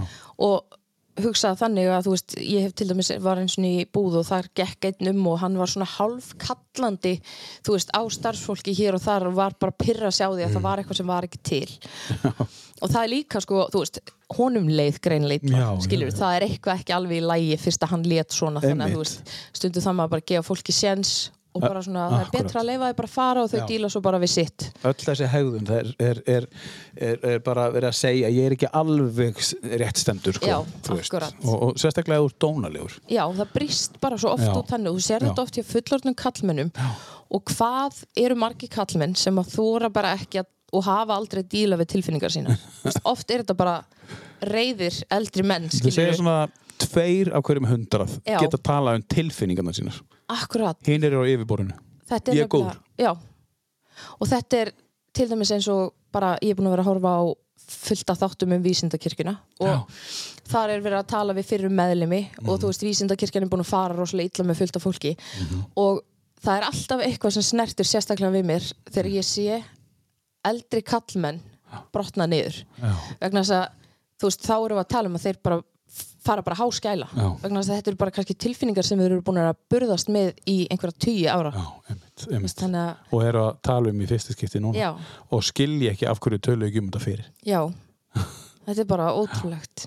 Það er, það er, það krefst hugrekkis að, að hérna, tala um tilfinningarna sínas Það gerir það. þó, þó það sé bara þó það sé bara hver sem er eða þó það sé bara um hvað sem er. Bara, veist, það, það krefst hugrekkis. Og þú ert að vera tengdu við sjálfa þig uh, Lag nummer 6 Já, þar verðum við náttúrulega að koma fyrir uppáhaldsljónsutinu minni sko. Já, Ok, eina af uppáhaldsljónsutunum mínum. Það er uh, Dimma. Dimma. Já, Já, og lægi Ljósbrá er bara einstaklega fallegt lag.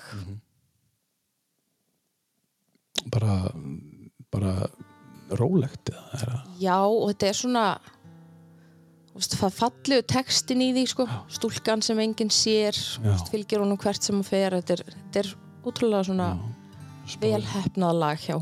Þess að fara hérna í sko, veist það heyri við í steppan alltaf Já, Ingór Geirdal syng- semur þetta. Já, gítarleikari. Og, og er hann ekki líka töfra maður? Jú, hann er, hann er hæfileika búnt sko. hann er hæfileika búnt sko. Heyrim þetta lag, ljósbrá með dimmu Bjarta sem lísti mér leið. Hún vermir mitt hjarta er engill í neyð. Hvert sem ég fer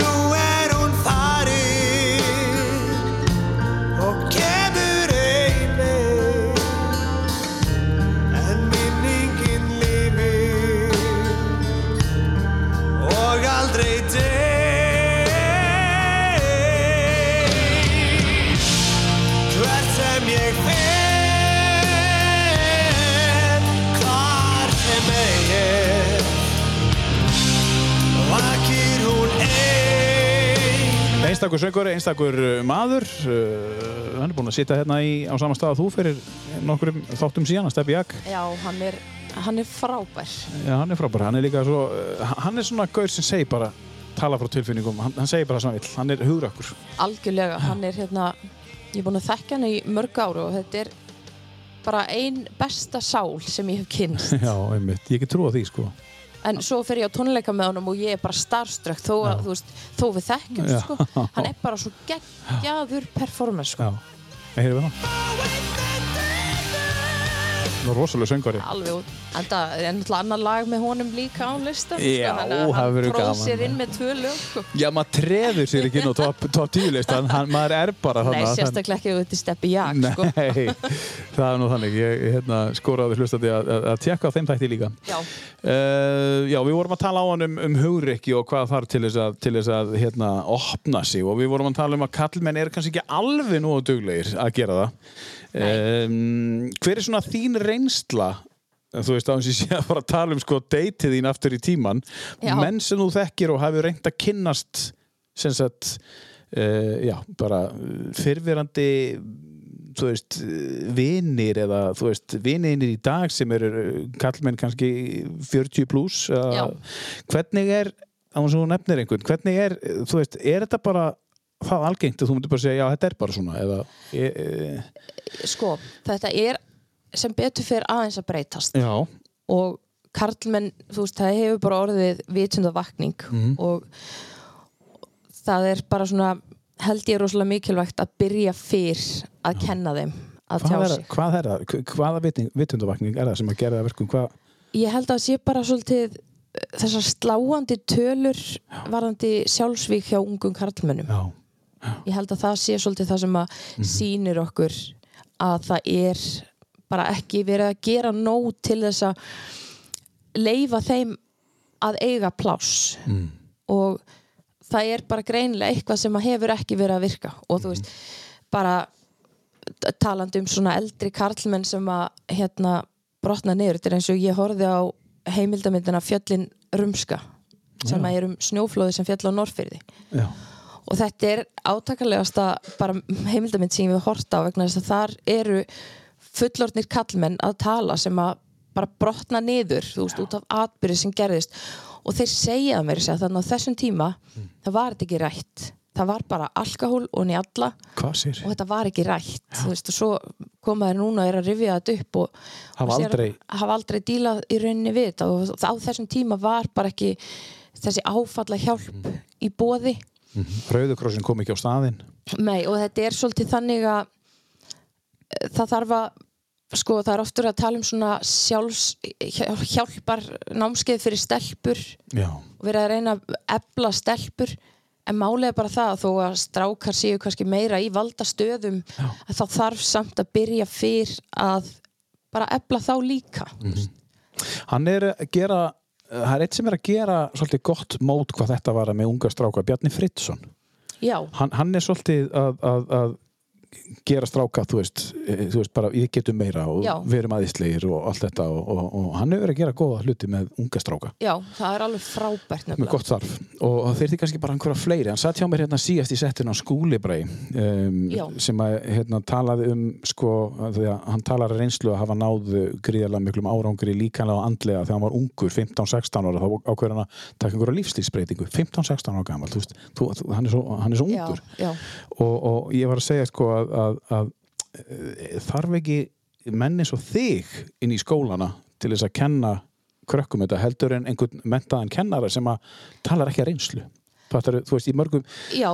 veist Ég hef til dæmis einu sinni farið í grunnskóla, fór Mhm. í grunnskólan á Djúbhói og hitti þar unga krakka veist, og það bara var alveg magnað já, vegna þess að það er alveg ótrúlegt uh, hvað þau líta upp til manns í gegnum samfélagsmiðlana sko. já. er hvernig ótrúlegt, þú veist bara, bara svona kannski gerði mér ekki, þú veist, þú ert með síman þinn og þú ert með einhverja tölur veist, þetta margir að fylgjast með. Miklu fleiri að fylgjast með mér sest, hafa verið að fylgjast með mér á, sna, á snappinu í gegnum tíðina heldur en þú veist, ég með á Instagram. Já, ég var alveg komið upp í 17 fylgjendur á já, snappinu. sko.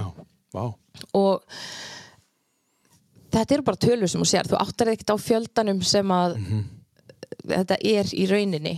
Og mér fannst til dæmis bara mjög svona Æ, hvað segir maður, það er mikil heiður þegar það var haft samband við mig og ég var beðin um að koma í skólan af því að það var, voru margar stelpur sem að litu upp til mín þú veist. og mér fannst bara magnað að geta allavega lagt eitthvað til og gert mitt af mörgum til þess að svona myndur þú gera þetta ef þú fengir fleiri símtöl, myndur þú taka það þér? Já, ég hugsa það. já, Þetta er, þetta brennur svolítið á mér sko vegna þess að ég lendi bara sjálf í því að í áttundabekk og það er bara rosalega algengt að sérstaklega stelpur í áttundabekk þær engarnirnar fara að falla. Þær eru bara að fara í gegnum eh, bara svona kynþróska skeið Já. og þetta er bara algengt. Og ég lendi nákvæmlega í þessu. Já. og hérna ég hefði alveg viljað að einhver hefði bara komið og talað við mig þú veist, sagt mér bara eða reynd að gera eitthvað til þess að svona ebla mig. Já, þú veist, þannig ég er svolítið svona að tala kannski út frá eigin reynslu að, ég er að meina, er það ekki það sem að nær til? já, ég held það nefnilega veist, Frekar að sé verið að kenna þér, þú veist, eh, borðaði svona mikið prótein og kolvetni og fytu Já, og, og borðaði kjöt og græmiti og ávexti og þá ertu góður. Svo Akkúrat. kemur einhver dúti eins og skúlibræði Já. og talar um sko bara það sem ég gerði hans að reynslu, það sem að virkaði fyrir hann Já, og virkaði fyrir mig, mögulega ekki fyrir þig en þú getur prófað að fara einhver aðra leiðir og svo ert þú að tala reynslu já, til krakkan í djúbói það er nefnilega málið sko, þannig að þetta, þetta er það sem að eh, já, þetta er það sem að eh, þið í þessum geira gætu gert að þið, þið náu til svo margra. Já. Já. Og þetta er eins og til dæmis bara Ernuland er búin að vera að gera með svona líkansveriðingu hún er búin að fara í skóla og, og kirkjur og það er alveg bara frábært það sem hún er búin að vera leggja á sig til þess að að svona kenna fólki bara að elska sjálft sig eins og það er. Já. Það þarf meira svona Þú talar um Ernuland og, hún nefndir aðra miðla. Eru svona samfélagsmiðla stjörnur eða þeir sem eru í sam, á samfélagsmiðlanum, eru er þið hópur af fólki góði vinir eða veist, þekkist þið betur en það sem við höldum eða eru þið bara einstaklingar? Er, Í- eru þið í sambandi? Ég fann meira fyrir, já, ég og Erna til dæmis erum bara góðar vinkunir Mhm. og höfum oft hist og en er, þetta var meira svona fyrst fannst mér, þá voru meira svona maður var að tengjast öðrum Já. snöppurum. Já. Núna er þetta, þú veist, það eru svo rosalega margir sem eru með vinsæla til dæmis eins og á Instagram Mhm. þetta er orðið miklu stærri flóra og bara margir sem að ég hef ekki eins og hugmyndum, Mhm. þú veist þannig að svona í grunninn þá þekki ég þessa gömlu góðu sko. En svona þitt mat, uh, líkansvirðing og, og, og, og allt það uh, hvað finnst þér um að þú ert að segja svo, margir? Er ekki, eru komnir of margir sem að uh, eru að taka myndir af sér hálnögtum og, eru að, að presen, presensa það skilur sem eru bara svona eða í líkansækt eða þú veist þetta og þetta og þetta eða þetta og ég tek þetta svona mikið í bekk ég er þessi stjarnaði þessu, ég lít svona út. Er þetta ekki að hluta til svolítið óheilbreytt fyrir krakkar sem eru að alast upp Jú, þetta er svolítið það sem að skapar náttúrulega ákveðna pressu og þetta er bara eins og til dæmis það að mæti rektina í, þú veist, og þú ert í flottustu rekta fötunum. Mm sem að þú fær styrt og spáns að þú kaupir þetta ekki sjálfur en, en, Nei, og en, svo- en sá sem horfir hugsaðar, ég verða að eignast þetta en Já, þetta kostar pening. ég er ekki að í rektina, ég og bara stuttur um að ból og, og, veist, já, og það líka. og veist. það líka. En rektin Skipt- á ekki að snúast um það. Nei. en er hún ekki farin en svolítið það, að það snúast er um fara að snúast um það og ég meina þetta er bara svona ég hef oft hugsað um þetta, þetta er orðið svona ákveðið trend núna eins og til dæmis þú talar um með þessar svona myndir sem að fólk er að byrta af sér. Veist, það eru allir að byrta sér myndir af því að þú ætti að vera sáttur við líka með henni og svona Já. sem er bara gott mál. Já, ég persónulega þarf ekki að fá fólk sko inn að beini hjá mér sko. Nei, þetta er það sem ég er að tala um. Af hverju, af hverju stoppar ekki einhver staðar? Já, Eh, þú veist, Já. þarna eru, eru orðin hætt að tala. Já, og, og, og, og, og þú veist að tala um við byrjum, þú veist, að vera hérna, að vera sem sagt uh, uh, þú nei, hvað notuðu við aftur, það er ekki samfélagsmiðla stjarnar já, hérna áhrifavaldur. áhrifavaldur. Hversu mikil áhrifavaldur ertu þegar þú situr bara og tekur mynda skilu, Já. það er það sem ég er að tala um sko. Hversu mikil áhrif eru það? Er það ekki öfug og röng áhrif? Þú eru bara að opna umræðu. Já, það fer svolítið líka bara hefur ekki að segja neitt? Nei, það fer svolítið eftir líka bara þeim sem að skoðar myndina, þú veist, flettu bara framhjá ef að, þú veist, eða skilur já en sko, unga það- fólki gerir það náttúrulega Nei, ekki. ég veit það, þetta er náttúrulega bara þau eru farin að sjá rosa mikið af svona myndum og, og bara, þú veist, eins og ungar stelpur kannski upplifa sig eins og þær þurfi að vera svona mjóar af því Mhm. að allar helstu samfélagsmiðla stjörnur eru Mhm. svona mjóar þú veist, hvort sem þú talar um erlendar stjörnur eða já, hvað já, sko. og strákar þurfa að vera helst með sixpack og hún er að vera að pumpa í rektinni og Já, veist, þetta er þetta er svona kannski verið að svolítið fókusera á ranga hluti vegna sem við eigum ekki þurfa að vera svona rosalega upptekinn af líkumum okkar, það snýst meira um bara hvernig manneski ertu hvað getur, hvað hefur fram að færa fyrir aðra kannski, mm. veist, hefur þú einhverja reynsla á bakinu sem getur miðlað áfram, haft þannig áhrif? Mér finnst það persónulega mikilvægara heldur en að sína þú veist, jú, ef ég væri búin að taka mig ótrúlega á í ræktinni, ég myndi kannski posta mynda mér, en ég þarf ekki vera hálf bera á henni til þess að fá fleiri like, sko þú veist, En það er bara spurning þá, hvað ert að, fyrir hvað ert að reyna að fá like? Já. Er það því að þú ert, þú veist, og hvað gerir það fyrir uh, áhrifavaldin, uh, samfélagsmiðla stjórnuna, að fá uh, 200 like á, þú veist, hálfber, sem var talið glanalegt fyrir 10 árum síðan, sem er ekki Já, talið já. glanalegt í dag, uh, eða þá að þú fær sko 200 like bara fyrir að setja andliti á þér, bara close up já, og segja eitthvað já. Eitthvað sem er magnað. Þú veist það er það sem ég er að tala um sko, hvor, viltu vera?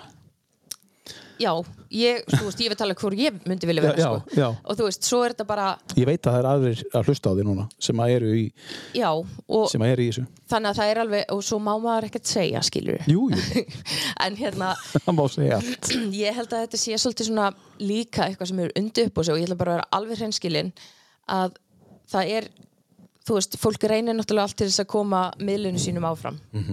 Og til dæmis það að ákveðin fréttamiðl byrti alltaf valdar myndir af Instagram vikulega. Þú sér þá alveg að þú veist að það er alltaf að aukast þeir sem er að byrta myndir af sér svona fáklætir sko. Mhm, já, ég held að þetta sé svolítið eitthvað sem hefur undið upp á sig að Já, já, fólk algjörlega. er að reyna að fá meiri aðtikli og meiri eh, meira fylgi sko, ég bara persónulega mín Já. skoðun svo fólk sem var að gera eitthvað allt annað heldur en að gera þetta er komið þanga líka núna? Já, til þess að fá hef- meira en þá er kannski búið að missa marks með hitt sem að byrjaði að gera. Þá er þetta að fara að snúa svolítið mikið um bara veginn svona meina það er til ákveði margar mm, típur af nærbuksum í heiminum og það þarf ekki að auðlýsa þar alla sko. Nei, ég meina þú veist, ég til dæmis bara tökum fyrir sem dæmi Calvin Klein. Mhm. ég veit ekki hversu margar myndir ég hef séð af fólki í þessum nærböksum, ég veit alveg að þetta er tilskilur en Mhm. þetta er kannski aðferðin þú veist, þetta síast inn hjá unga fólkinu veist, En svo ætlar að kaupa þetta. Já. Ég ætla að fá hérna nærbuksu, það er 12 og 9 Það Já. er bara, já, glimtu því Ég þarf bara í dressmann að kaupa hérna þrjár á 1500 bara fyrir geður Þetta er nærbuxur, sko. já, Þetta er, þetta er brók sem ég er í innanutur gallabuksunum mínum já, einmitt. En svo er líka annað í þessu, þetta er það sem hefur breyst með sko tímanum. Að hérna ég, ég fætti 73 og, og, og við hlustum á útvarp hérna 90, 91, 23 og svo kom eitthvað lag og þá kom alltaf þegar ég saði eitthvað orð þá kom bíp, bíp, bíp, bíp þannig Já. að þú gast ekki verið með það. Það er til þess að, sagt, að vernda litlu börnin frá því að heyra ljótu orðin. Skilur við eitthvað hefur breyst núna 25 árum setna sem gera það að verkum að krakkar mega bara heyra fuck, fuck you. Já, þetta bara má í dag en þetta mátti ekki þá. Já, hvað hefur breyst já, þegar ég var eða, semst, þegar börn voru 6-7 ára kringur 90 og eru 6-7 ára núna kringur 2021 að nú mega það heyra fuck you. Hva, hvað gerðist bara, herri, þau mega heyra þetta? Af hverju, af hverju er ekki ennþá dreigi fyrir þarna og skilur við mig? Já, ég skil hvað þú meinar. Þú, þú, þú smitast þetta ekki út í þetta sem er orðið svo það er svo margt sem er orðið opaslega rótið þú veist, það bara svona, við leifum þetta bara. Já, að þetta er svona það er engar, það má ekki setja reglur. Það bara leifum þetta. Textarnir á sömum sko, sem eru bara vannverík við stelpur nú á ég eina fjóra ára sko. Bara, ég bara get ekki hlusta á þetta og svo eru kannski fann að raula hlut úr þessu, ég bara, þú veist, láttu þetta lag frið, þetta er bara ofbeldislag ég hef tekið eftir því þú veist, og það er hægt að skýla sér á bakvið listina sko, þú veist, þetta er náttúrulega bara ákveðin tjáningu eitthvað, en þetta er, þetta er það sem að ungt fólk kannski hlustar á og Já, það, þetta er alveg, þú veist, góðu punktur vegna þess að algjörlega eitthvað sem maður þarf að passa og ég veit ekkert alveg hverju ég get svarað sko, af hverju við erum komin þarna af því að veist, það er allt orðið svo aðgengilegt fyrir börn í dag að það er bara óhugnalegt og það er alveg sama þó að þú setir þínu barni einhver mörg Mm. að það fyrir svo kannski heim til vina sín sem að hefur engin mörg Mhm. og hann getur, þú veist, séð alls konar þar Mhm. sem að til dæmis bara er óheilbrikt fyrir börn og, veist, og, bara eins og ég var að lesa umræðan daginn eins og fyrir ung börn að sjá veist, það var móðir sem að sá að dóttirinnar sem að var bara yngri en tíu ára var komin að, þú veist, með, búin að skoða eitthvað klám í símanu sínu Já. og þú veist, þetta getur hreinlega bara skadað börn, Já, já. þú veist þannig að, Þetta er svo aðgengilegt, þú getur verið komin á klámsíðu núna bara eftir svona 13 sekundur. já, Já. og þú veist, Engin, það er engin restrictions. ég held að svona orði eins og orði fokk, þú veist, þetta er, þetta er hægt að hafa merkingu einhvern veginn Fuck you, bara, bara Já. ekkert mál. Eða skilur, ég má segja þetta dag. Það er bara enginn sem getur bannað mér það því að það er allar útastöður að spila lög sem að segja miklu ljótari texta. Skilur Já. Og það er bara lift. Já. En það er eitthvað, það er eitthvað hjá fólkinu sem að réði þessu þá. Mhm. Það er einhver meðvirkni eða eitthvað sem hefur hugsað að þeir mega gera þetta núna en þeir máttu ekki gera þetta þegar þeir voru lítil 1990 eða 1995 en þeir mega gera það núna. Já. Þannig að það væri gaman að fá að vita hvað það er sem hefur breyst sem leifir þetta núna. já, það pælingar hvað það er sem hefur haft áhrifið mitt Og hver það er sem leifir þetta. já, við þurfum, að, við þurfum að hafa upp á honum. Við þurfum að rannsaka þetta. Herru, tökum næsta lag. Þetta var skemmtilega bara. þetta er uh, ég svona sek, eða þú veist svona drekk í mig flutninga á lögum sérstaklega svona innlaga flutninga og þetta er einn af þeim. Ég stóð öndinni þegar ég sá þetta. Þetta var svo innlægt og tilfinningarna svo rosalega sterkar og þetta er sem sagt Demi Lovato þegar hún flutti Anyone. Já. og hún byrjar að syngja sérst, í upprönnlegu útgáfinni þegar hún flutti þetta og byrjar hún að syngja er svo byrja aftur sem að er bara svo Já. real, það er svo raunverulegt það er svo hrátt það er bara hún, já, hún átti erfitt og hún byrjaði aftur. Og svo bara svona eins og hún hefði fundið röddina sína. Og Hún er búin að gangi gegnum bínislegt. já, hún er búin að gangi gegnum mikla erfileika Og, en það var enginn að hlusta á hana Nei. fannst henni henni fannst hún bara vera ein og ég tengi rosalega mikið við þetta þó að ég syngi ekki Mm. að þá upplifði ég mig á tíma eins og það bara, ég væri að reyna að koma frá mér hvernig mér leið Mhm. en það hljómaði alltaf heimskulega og mér fannst enginn vera að hlusta á mig Við skulum heyra þetta, ef ekki heyra textan í svo benda fólki svolítið á textan í læginu. já, bara að hlusta vel á texta Hlusta vil á textan í læginu. Lægi heitir Anyone, þetta er Demi Lovato.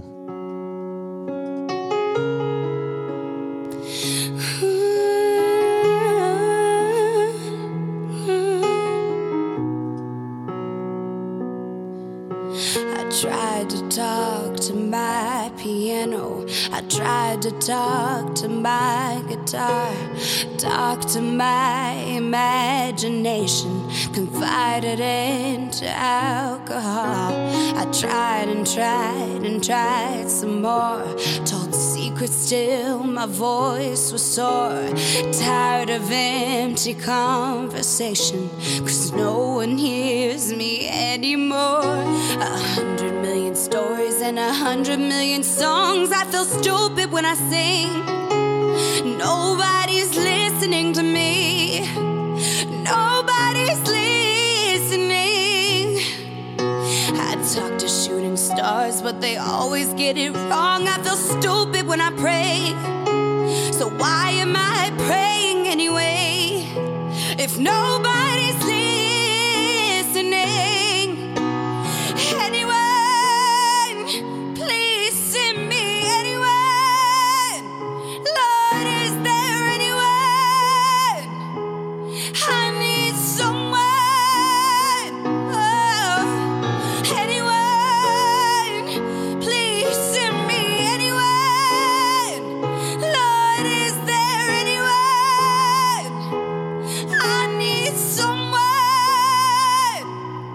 Já, mikil, uh, það er dýft í þessu lægi, hún fer djúft í tilfinningarna sín hún Demi Lovato og þetta er hann á listanum hennar Sigrun og Sigurpálsdóttur í tíu bestu. Það er ástæða fyrir því. já, Já. hún, er, hún gerir þetta svo óun, óaðfinnanlega Já. og þetta er svolítið það sem að mér finnst ég vera að upplifa núna er að mér finnst ég svolítið vera að finna röddina mín aftur ég var búin að loka á hana. Og besta vinkona mín sem að ég tala við í síma oft á dag, ég verð náttúrulega að minnast á hana því að hún Þú oft á dag bara. Já, við tölum saman ofta dag og þú veist, ég ringdi einmitt í hana þegar ég var eh, komin úr sturt í gerkvöldi ég bara, já, Já. ég var að koma alls búr úr sturtinu ég var að þrýfa hana. Og þú veist hún bara veit allt um mig og þessi manneska er búin að halda mér uppi. Já. Þú veist, við búum í sikkur á landslutunum og hún er búin að halda mér uppi bara í gegnum mína erfileika hún, hún heitir Marja eru já. margar Marja úr landinu Já, það er Marja. Takk Marja. Já, en hérna hún kannski svona skilur einhvern veginn best eh, hvaða, þú veist hvað ég er að meina þegar ég segja ég sé að finna röddina mín aftur vegna þess að hún er búin að segja bara við mig það er bara dagamunur á það heyri í þér. Hversu mikilvægt er að eiga svona vinn? Frá Ég- 1 til 10? 10, eh, 12 Já, 12. þú veist, já. hún er bara, já. Ég hef eh, einhvern veginn ég á rosalega margar góðar vinkonur en þetta er svona þessi vinkona sem að bara ég stutti við hana á erfiðum tímum Mhm. hún er að stiða við mig á erfiðum tímum og það er bara svo þess að milli getur við bara hleið og bullað sko. Þið talið kannski aðeins á einhverju öðru leveli saman þið farið stýpara í samræður og getur farið eins djúft og getur talað um tilfinningar. Maður getur ekkert gert það við hvað vinn sem er. Og það er akkurat málið og ég segi henni hluti sem ég segi bara engum öðrum. Veist, Já. Það er bara ekki einu sinni, ég myndi ekki einu sinni segja fjölskyldunum minna, veist, hún veit Nei. bara allt, ekki og niður hér. Bara ímislegt sko. Þó þú látir allt flakka. Já, ég er mjög opinn sko. Já ég veit það. Ég, við, við, við bara viljum ekki vita þetta þið haldið þessu fyrir já, ykkur ég þú ætla alls ekki að fara út Herðu, já, hérna, hérna, hérna segja okkur síðasta ár fyrir, fyrir, fyrir uh, Sigrun Sigurbóls hvernig var uh, janúar, februar, mars apríl og svo áframhald COVID ári sko eh, fyrir þá sem að hafa náttúrulega fylst með mér hvað lengst hafa mögulega séð svona þróunina í þessu. Þú veist að mér leiði ekkert rosalega vel. Ég fór að halda mig meira tilbaka frá samfélagsmiðlum og ég vil eitthvað er einhver ástæða fyrir því þegar fólk er búið að vera mjög virt og þá er ég ekki að tala um virkt. Nei, ég er ekki að tala um virt heldur að ég var virk á já, samfélagsmiðlum já, já, já, Vist, já, ég skil. Og hérna svo svona var ég farin að sinna þessu lítið og svo skellur á COVID og uh, þú veist, fyrst náttúrulega fannst manni þetta bara ekkert vera eitthvað sem að yrði þetta lang, langur tími. En svo er náttúrulega bara komið þarna hálgert lockdown eða þannig sko. Já, mér já. fannst það geggjað. Já, segðu, vá, ok. Hvernig þá? og þú veist, ástæðan bak við það var samt ekkert góð vegna að þú veist, þarna hafði ég bara afsökun til þess að loka mig af heima hjá mér að því mér leiði illa já, veist. ég skil. Það var þannig þannig, að það var bara svoleiðis. Þannig þú fagnaðir því þess vegna? Já, ég, það var engin pressa á mér að vera að gera neitt eða hitta neitt eða þú veist, þetta var bara svona ég hafði ekkert endilega gott af því að loka mig af en þú veist, þetta var bara eitthvað sem Mm. ég gerði bara flýja það að láta fólk sjá að mér leiði illa já, ég skil þannig að þetta var bara Já, ég fagnaði þess að þetta er búið að hafa bæði kosti og galla bara, já. þú veist, En þú hugsaði tilbaka Var þetta gott fyrir þig eða var þetta eitthvað sem þú hefði viljað sleppa í dag eða þú getur spólað tilbaka? Myndir þú gera þetta öðru í sig? nei, ég myndi ekki vilja, ég verð bara að segja, þú veist, ég er náttúrulega, það hefur enginn í kringum mig veikst eitthvað alvarlega, þannig að ég skil alveg að fólk myndi vilja taka þetta tilbaka sem að hefur kannski jafnvel mist einhvern úr þessu. Já, já. Veist, þetta hefur bara ekki farið það nálægt mér. Ég held hins vegar að bara ég og heimurinn hafi haft svolítið gott að þessu. Mhm. bara, Að hvaða leyti? bara harkalega sagt en það þurfti bara aðeins að draga okkur tilbaka Já, þú ert það ekki að tala um sko, þá sem mistu ástfinni og Nei, við erum að taka, er við erum taka ekki- sérstaklega ég- fram við erum ekki að tala um það. Nei, við erum að tala um allt aðra hluti. Ég er bara að tala um til dæmis eins og það að sjá bara hversu mikið mengun mingaði Mhm. þú veist og, og alls konar svona áhrif sem þetta hefur haft. Þetta eru kent okkur alls konar aðferðir við hlutina Mhm. sem að við kunnum ekki áður. Þú veist bara talandi um eins og alls konar fjarfundi og fólk er Mhm. búið að kannski labba meira og þú veist, þetta er búið að hafa kynast betur. Já, búið að vera kannski meira með fjölskyldunni sinni. Þú veist, margir sem eru kannski búin að vera heimavinnandi og með börnin heima. Og þetta er tími sem að þau hefðu ekki fengið Nei. nema fyrir COVID sko. þannig að finnst mér erfitt að heyra þess á síðasta ári e, þegar að fólk var að kvart yfir í að hvað þeim finnist erfiðast það er að vera svona mikið heima. Það Já. fannst mér sorglegt að heyra. Já, vegna þess að, að það var akkurat öfugt hjá mér sko. já, og okkur bara, mér fannst bara vá allt í einu var ég fekk að eiga tíma með börnunum mínum. Já, og jú, það var alveg erfitt. Þú veist stundum að maður vildi fá frí. En, en sko uh, þegar maður horfði tilbaka þá bara hefði maður ekki viljað hafa neitt öðru sí Nei, akkurat. Og ég svo sem upplifði ekki þetta sérst að báðir fóreldrar eh, væru heima. Eða sem sagt, það var alltaf hérna ég var alltaf ein með krakkana þú veist eins og þegar þau voru ekki leikskóla og svona. Já. og ég meina auðvitað var það líka Já. erfitt stundum Já. og það var bara sérstaklega þegar ég var átti, eða þú veist, mér leið ítla skilur, Já. ég var bara Hvað var, já, það var bara eitthvað Já, ég var bara farin að finna það að ég þurfti að gera einhverja breytingar í lífinu mínu. Já. Ég þurfti uh, bara vildi komast eh, norður. Það er eiginlega bara, já, heim já, þetta er svolítið já. hættan í samböndum að fólk fjarlægist þegar eignar spöld. Já. Já. já, og það, það átti við í þessu tilfelli Já, að hluta já, ég er svona, og ég kem svolítið inn á það eftir í sambandi við hérna, eitt Já. að hérna, Já Eða hendaði á eða? Eða eigum já eigum að býða eða? Nei, við skulum henda því á. Ég hérna held að það sé best að setja á til þess að svona og kannski útskýra best eh, hérna undirspilið vegna Já. þess að Já. Þú veist, undirspilið í þessu lægi er bara þannig að uh, þetta er eina lægi með Megas sem ég hef nokkuð tíma hlusta á. Já. ég er ekki Nei. aðdáðandi Megas þó að mér finnst að, þú veist, ég bara hef, hef aldrei tengt við tónlistinans og ég var virkilega yfir sem að setja þetta lag á listan því að bara svona, þetta er svolítið eins og margir kalla jarðafara lag en svo var það bara ekki spurning á endanum þegar ég var búin að hugsa þetta vel. Vegna þess að þetta lag er bara búið að koma mér í gegnum síðastlina tvo mánuði og það er ekki eins og grín.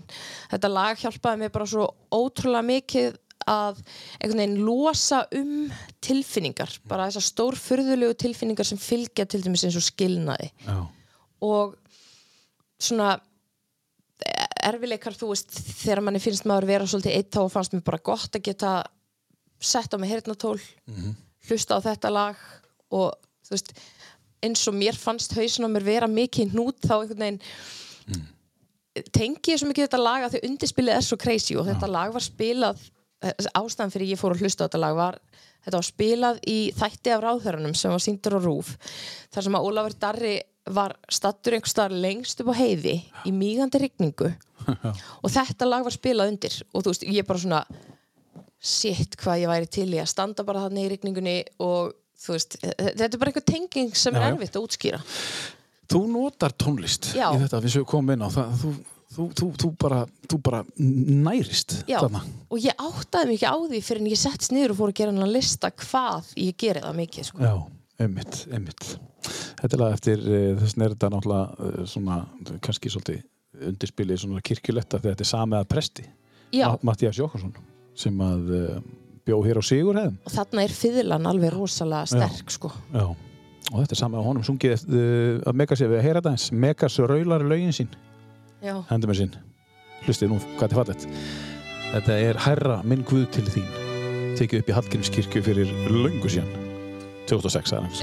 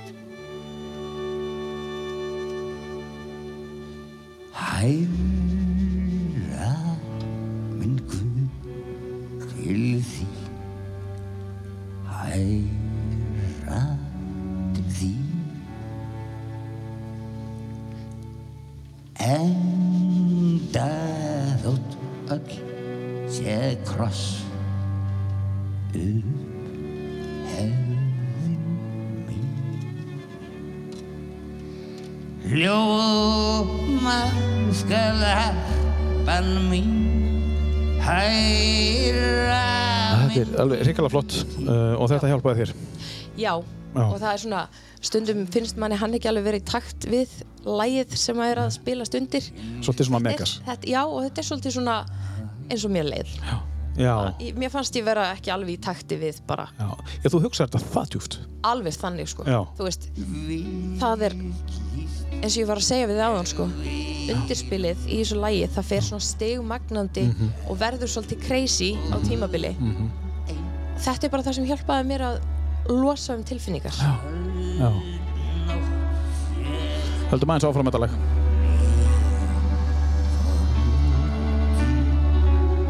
minn stein Heilöð skal von mín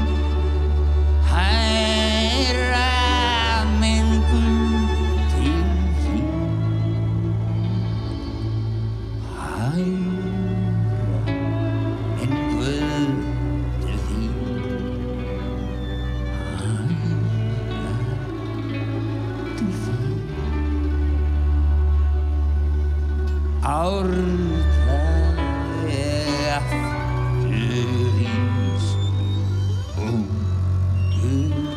að beð Ég heyri það er svona, það er svona einhver, einhver svona, uh, eins og félan sé bara á einhverju svona autopilot. Já, það er svolítið svona titringur í þessu Já. og þetta er svo spennuþrungið sko.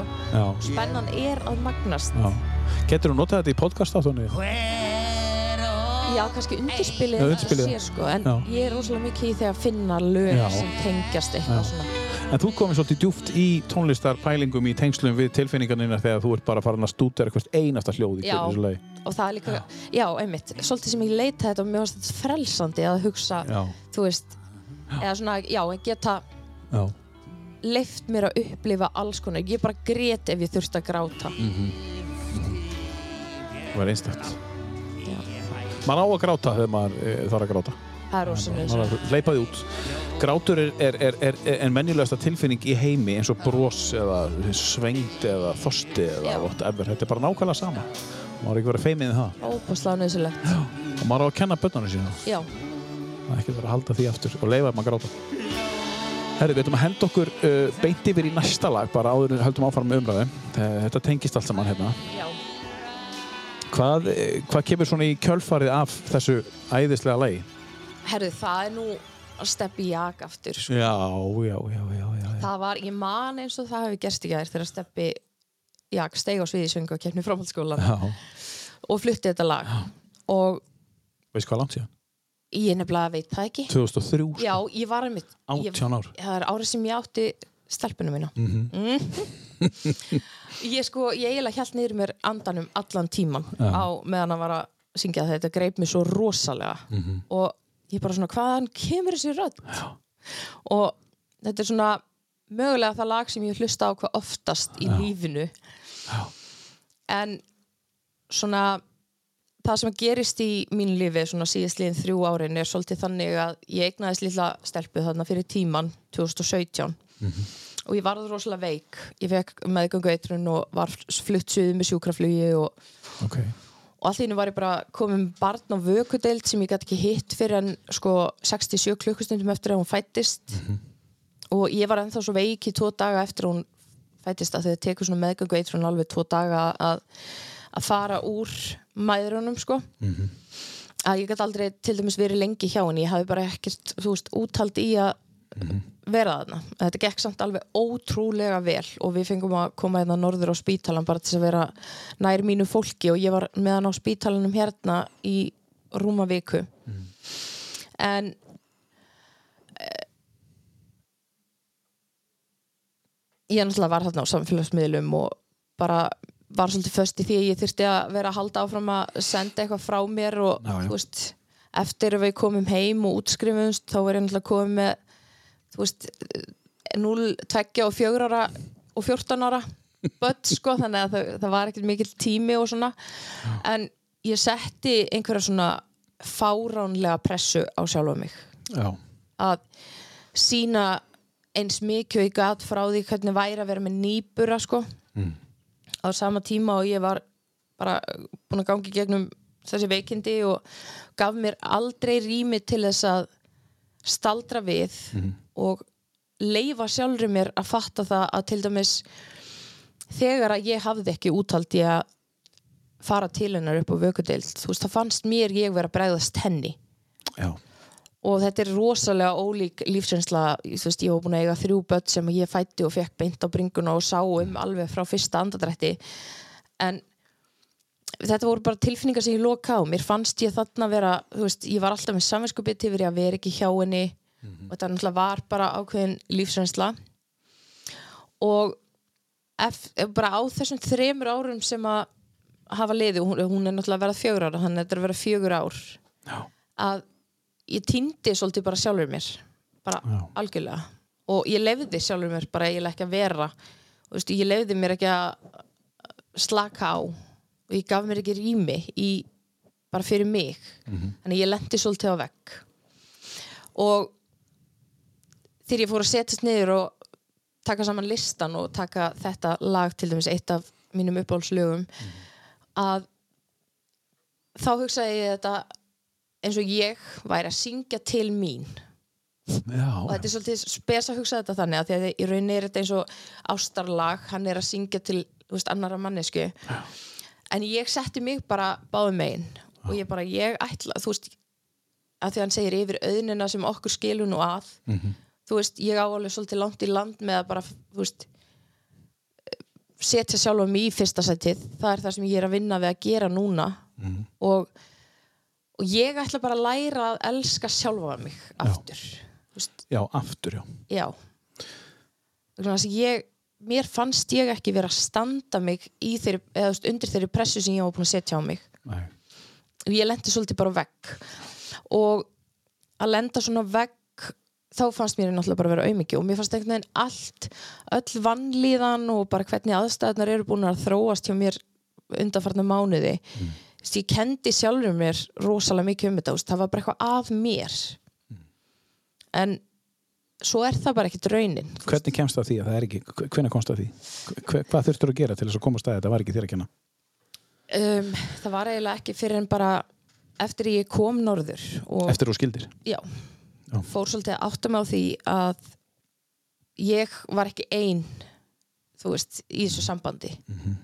og það var ekki bara mér að kenna við fórum í sjökkar áttina Mhm. veist, það var ekki bara Já. mín andlega vanlíðan var ekki ástæðan fyrir því að skilnaðurum varð. Nei, en þú helst það, eða þú vildir, þú vildir kenna því um já, vegna þess að þetta er svolítið ríkt í fólki. Já, oft í skilnaði að þá er konan talin bara eitthvað veik. Já, og þetta er, ég er ekki að grínast, þetta er algengt. Og það er oft talað um sko, já, hún fór bara frá honum. Það er bara eitthvað Já. hún þarf bara eitthvað að vinna í sjálfur sér. Og þetta var alveg sagt við mig. Þú þarft að fara að vinna bara í sjálfur þér. Já, já. Veist, ég var ekki eini aðalinn í þessu. Var fólki alveg að pota í eitthvað sem það hefur ekki hugmyndum? já. Og þá er ég að tala um fólk sem stóðu rosalega nálægt mér sko. Já, já, það er mjög algengt. Já, Þá ætlaði það að fara að pota, sko. Já. Og hefur öruglega einhver sagt að einhverjum tíðanpunkti við því Ég vissi þetta myndi að það er gangu upp. Já og svo er líka búið Það kemur alltaf einhver svona besservisir Já. Ég vissi, sko. Já, já, svo, svo er nefnilega það sko að þæ, þetta kom þeim ekkert á óvart að ég kæmi norður. Nei, en, en fólk sem þekkir ekki eins vel til held að það væri allt í, upp á tíu já, sko. já, já, einmitt, einmitt. Sem að er kannski á yfirborinu og fer ekki dýbra þú umræður veist að því maður hefur ekkert er Og það getur verið bara nánasti ættingi. Það getur bara verið fóreldri eða, eða sískinni sem að hefur ekkert vita á eða hefur ekki hugmyndum skilur við hvað, hvað er að gerast? Að því að þeir bara kannski að þeir bara spyrja ekki. Já, og þeim er ekki þeim er of mikið sama. Já og ég er bara ótrúlega heppin með fjölskyldunum mína hérna. Þau Já. eru, þú veist, þetta bara ég er svo, eða, þú veist, þakklátt fyrir þau öll, þau taka mér svo vel Já. þú veist, Gott að koma- gott að koma heim. að koma heim og bara, já, Já, finnur Passu- alveg frelsi bara. passa upp á stelpuna. Já, ég finn það. Já. æðislegt. Þú maður að heyra þetta hérna aðeins með í, uh, já, Steppa Jak, hann er tvisar á listanum hjá hann. Já, hann er alveg magnaður. Hann er magnaður. um Semjum um frið Ást, aðeins ást Mun leið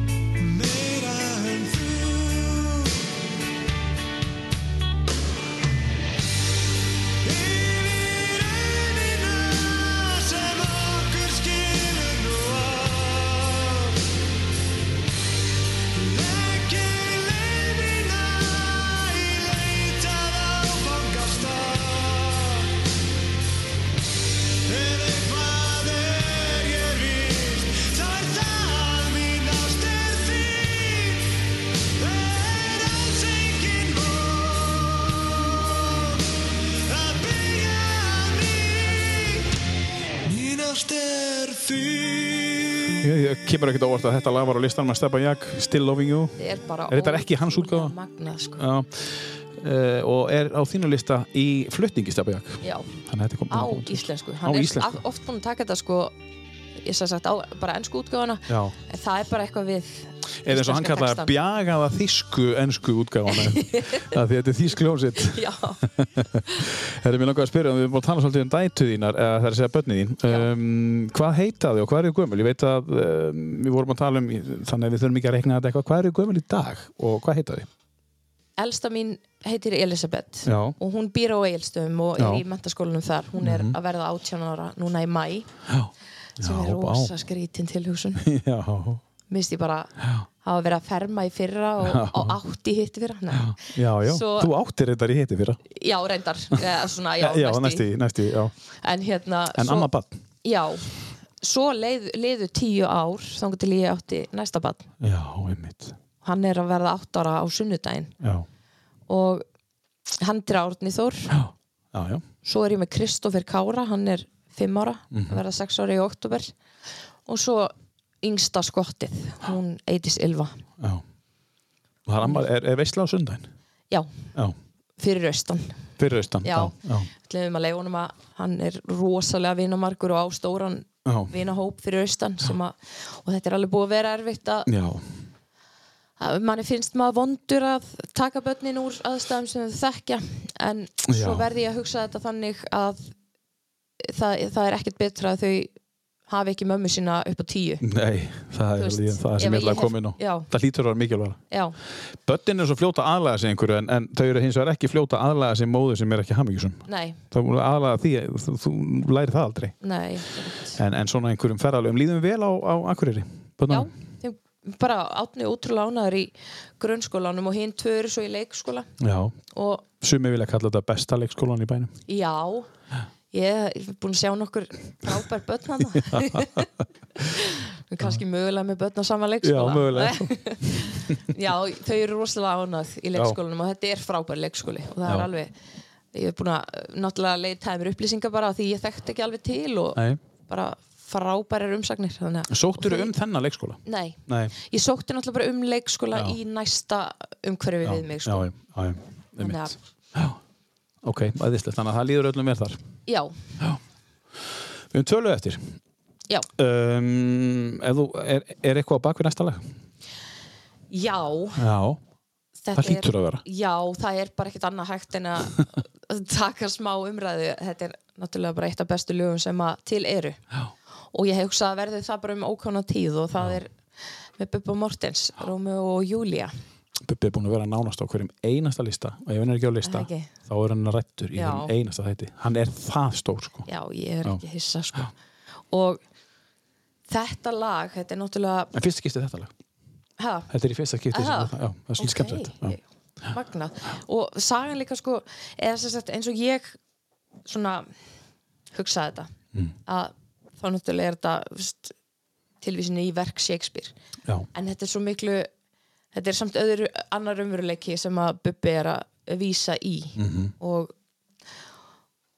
og það sem að mér finnst svo áhrifaríkt í svona lögum með mitt er, og það sem ég tek svo mikið eftir er undirspilið og það eins og í þessu lægi þá er svona, þannig er þetta er bara gítar nema það koma inn á milli svona þungar trommur sem Já. gera upplifuna alveg að þetta er þungt lag Mhm. Þetta er ekki bara romantíst ástar samband eins og, nei, nei, eins og ma margir halda kannski. Mm.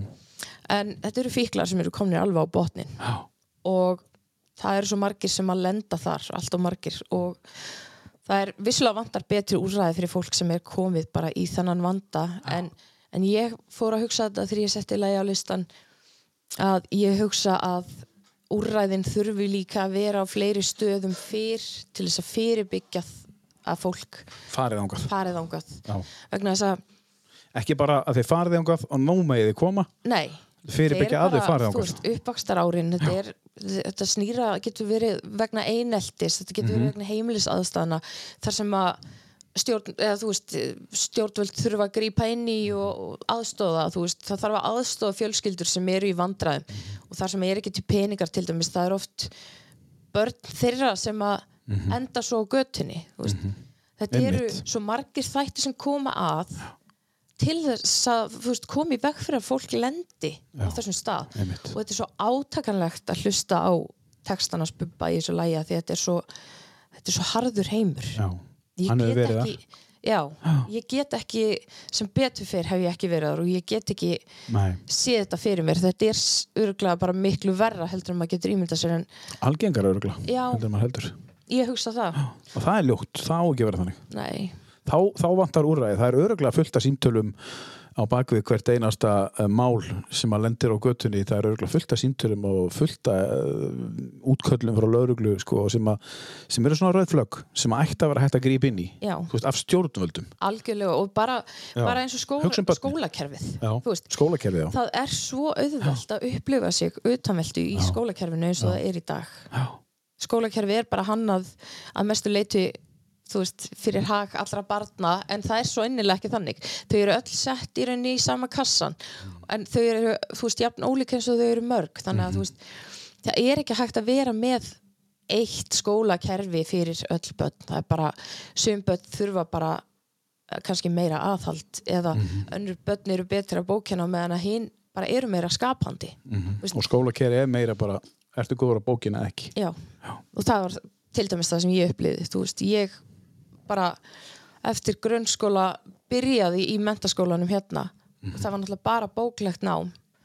Og þú veist, það var bara ok, þú ert ekki standæg þú bara, þú veist, þú verður bara að fara að gera áfram. Já. af því þú náður ekki Já. skiljuðu dæmi og bara þú mættir ekki þennan tíma. Nei, ég var, þú veist, í kví að kasta upp á herbyggi sko, af því Já. ég þorði ekki að koma í tímana því að, þú veist, það var farið svo hratt yfir efnið. Já, og ég var, þú veist, þetta voru rosalega mikið að krökkum Já. sem voru öll að koma úr sama skólanum hérna á Akureyri. Mm. og ég var að koma, þú veist, úr sveitinni. Þannig að það er bara já, já, á mörgum stöðum sem að þarf að laga. bara, já, já, er rauninni ekki bara að laga heldur bara að grípa inn í og breyta? Já, það þarf að fylgjast með. Já. Bara gefa líka sem sagt, opna svolítið á þann kost fyrir börn að tjá sig Mhm. bara hvernig þeim líður og, og hvað það er sem að þeim mislíkar Er tabú að tala um það í dag fyrir, uh, er hlustað á krakka, unglinga ef þeir eru að tjá sig að því að þau, þau náttúrulega kunna kannski ekki að tjá sig svo fullur einstaklingar. Nei, að þau eru samt að reyna að segja eitthvað Það Þau eru samt hljómar að- kannski, veist, að ég, Já. ég nenn ekki Já, starffræði hættu þessu væli. Ég, veist, ég nenn ekki að reikna þessi dæmi. Nei, þá er kannski virkilega að meina það. Já, mögulega þá getur hann ekki reiknað en hann Nei. vill ekki segja það þá er hann bara ekki að skilja starffræðinu að ég hef ekki heyrt neitt segja sem að kann starffræði að hún finnist hún punktur. Mjög góð punktur Hlipum Bubba að laga nummer nýju Í rísinu sérðu lítið ljós Eitt hjörtur fönnuð rós. Matarleifar bógin skeið Undan ondinum samviskan svei Þau trúðu á drauma myrkrið svart Draumarnir tilbáðu þau Fingurnir gældu við stálið kall Lífsvökvann dælan sau Draumarnir langir brunnu í eitt Dofin þau fylgdu með. Sprautan varði lífið með henni gáttu breytt Því sem átti eftir að sker Upp í rísinu lágu ófu sinn vel Óttan þrætt upp á þrá Ekkert gætt skeð Því það var ekkert ef Ef ef var að gá Búin að heyra það lag í, eh, já, 30 ár, 40 ár Já, En þú varst að útskýra fyrir mér eh, um hvað textin snerist, var nú rétt á hann? Ég hafði ekki hugmynd um þetta. nei, þetta er svona Samt hlustaðu á texta. Að sökka sér hún í, Þú sekkurir. já, Já. Gerir það sko En nú er bara bjarta, nú eru bjartari tímar framöndan. E, í hvað ætlar að sökka þar á árinu, Sigrún Sigurbósdóttir? Hvað, hvað er framöndan hjá þér í öllu, öllu því sem þú ert að taka það fyrir hendur? Er eitthvað nýtt eða ætlar að halda áfram bara eins og engin sem morgundagurinn? Sko, markmið mitt Ef þú byrjar á sko, þá, þá er eitthvað að Já, koma. ég, ég byrja alltaf á sko okay. En hérna, Já.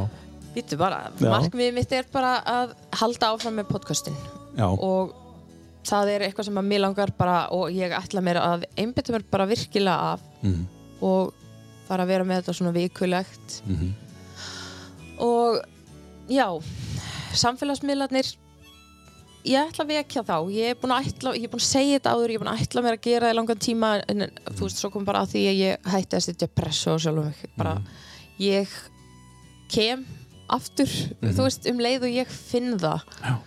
að ég hafi, þú veist, bara löngun og svona efni til þess að setja fram vegna þess að maður á ekki að þurfa að þvinga sig í það að opna sig fyrir Nei. fólki, skilju Ætlar að halda áfram á sumu braut, ætlar að breyta einhverju? Já, ég er náttúrulega orðin ein með börnin núna og þetta er svona margt sem að ég þarf að huga að í sambandi við það en í sambandi við podcastin þá ætla ég bara að vera með þessi tvö, tvö podcast Mm Hrollur og hvað er málið? já. Já. og hvað er máli verður alltaf meira svona einhver svona mál eins og til dæmis veist, það er til dæmis búið að byggja um að taka Michael Jackson fyrir veist, og, ég vil frekar halda því þannig og einmitt vera bara með glæpamálin í Já, já, já. inn í já. podcastinu Er fólk að byggja þeim að taka ákveði mál? já, Já. Það er skemmtilegt. já Já. og ég til dæmis bara eins og með vísindakirkjuna var ekki búin að fatta að taka hana veist, Einhver sem betni hvað er að fyrsta sem þú hugsar þegar þú heyrir orðið vísindakirkja Tom Cruise. já, það er þetta sem ég skrifaði í byrjuninni. 99% eða 99,9% ykkar hugsa um Cruise. Það er bara, svo fyrir maður að stúdira þetta. Já. það er rosalegt hvað það er mikið til og mér langar svona einmitt að taka svona mál stúdiraðu vegna þess að ég get alveg glemt mér í því og koma því skilvirkilega fram fyrir fólk til þess að fræðast mm veist, þetta er bara eitthvað sem mér finnst gaman. Það finnst gaman að rannsaka. já, Já. koma því frá mér þannig að Fólk skilji. já, og Betur. ég gera það eins og ég myndi vilja heyra þetta til þess að skilja það betur eða skilju Einfalda hlutina, Já. bara hefur á einfalda á. Já. Eins og allir geta hlusta. já, Ok, það er podcastin, en samfélagsmiðlunni þeir koma. Er eitthvað annað? Þú komin í bæinn, er eitthvað, þú veist, akkurir býður upp á ímislegt. já, sko ég ég þarf bara svolítið að sparka sjálfum mér út fyrir þægindaraman ég held að það sé nú bara næst á dagskrá. Ég, veist, ætla til dæmis að fara út að borða með vinkonum mínum í kvöld sem að er bara, þú veist, eitthvað sem að maður hefur ekki geta lift sér eða, veist, og ég hefði ekki eins og gert það. Þó mér hefði bóðist það fyrir nokkrum mánuði síðan. Já, þú hefði bara sagt nei. já, Já, þú varst bara ekki ég var ekki stemmd, að fara já. út. Nei. Þetta er bara skref. já, þannig að, og ég er bara svo spennt og þú veist, Já. þetta er bara svona ég er bara að safna sjálfur mér saman Mm. og ég ætla bara að ko- koma ennþá sterkari tilbaka Mhm. vegna þess að það verður bara betra fyrir mig og betra fyrir börnin og betra fyrir alla veist, magnað. það er bara þannig Hvert ætlaði að fara að borða? við erum að fara á hérna Múlaberg Já. ég hef aldrei farið á Æðislu staður. já, Fáðu fiskinn. ok, Mjög góður. ég elsku fisk Já. allt æðislegur. Já, bara, bara frábæstaður. Já. Sendi ykkur, hérna, sendi þeim reikning. Já, já. Eða þú gerir það. já, ég gerir Þú það gerir það bara. Herðu, um, síðasta leið, þú ert með eitthvað. Já, ég skal segja þér eitt Mm, já. Þetta er, svo, þetta er svo gott í eirun þetta lag, þú veist örgulega hvað ég meina þú veist, Mm. Já. þetta eru tveir fullkonni söngvarar og þessi duett, bara veist, það er allt við þetta sem er bara gott í eirun Mhm. að hlusta á þú veist, svolítið ólíkt til dæmis læginu með Mega sem við hlustum á það er Já. ekkert rosalega gott í eirun ef maður er ekki að, þú veist, Ekki alltaf. um það veginn en þetta er alveg fullkomið og, og ég ætla bara að segja, sko, þetta er í rauninni ástin sem að mig dreymir um að upplifa Já, já, já, já. og já, Já, þetta er bara ástarævintýri sem mér langar að, veist, eiga. eiga. Og það er framöndan hjá þér, já, Já. já, við skulum alveg bara, Þú ert allavega að fara að fá 500 miljónur fylgjenda á, á, samfélagsmiðlunum. já, já og, ég og, ætlaði mitt að senda Ronaldo og veist, byggja hann um að já, bara plugga plugga þið. þið. já, langt fljótlegast Fáðu bara spons, byttu einhvern að borga þessa miljón dollara. Já, það. nákvæmlega, er Þú eru komið með nokkra miljónir hérna, fylgjenda áður en veist af. Þá Já. ertu kannski að fara að skrifa á ensku, en það er allt í lagi. já, það, það er samt sko það hefur mynd oft verið pæling Það sko. verður markmiðið. nei, pæling af því að ég hef oft verið beðin um það það er bara alls Já. konar fólk sem kemur inn á snappimanns til dæmis að því að þá byrtist maður í einhverju svona svona mm. disk, uh, æ, hvað heitir þetta? Já, Hérna, bara discover. Discover, Já, já. já. Hann er komið kannski fullt af útlendingum og þeim finnst spennandi að maður sé á Íslandi og beða mann um að tala á ensku Já. og Já. Íslendingar bara á bremsuna, bara nei þú ert ekki að fara að gera það Nei, af hverju ekki? það er bara, fólk vil ekki hlusta á eða ég held að fólki finnst það bara hallarslegt En hvað myndir ná 300.000 hérna, hérna, útlendingum uh, en að einhverjum 11.000 Íslendingum? Að ég er góð með mitt bara Já, já, ok. Herðu, þetta er, uh, viltu, viltu segja hvað þetta er?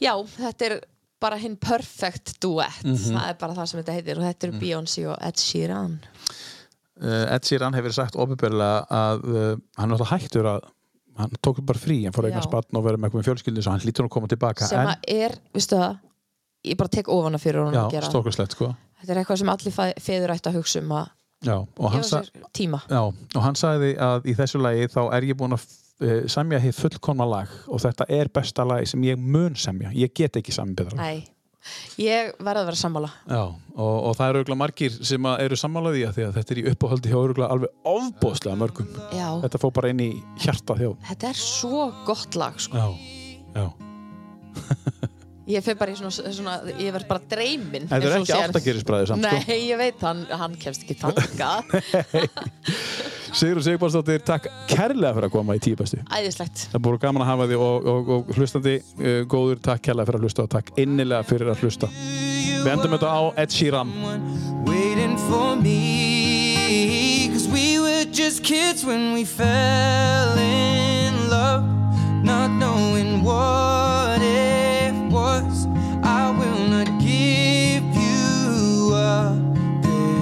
time. Well, darling, just kiss me slow. Your heart is all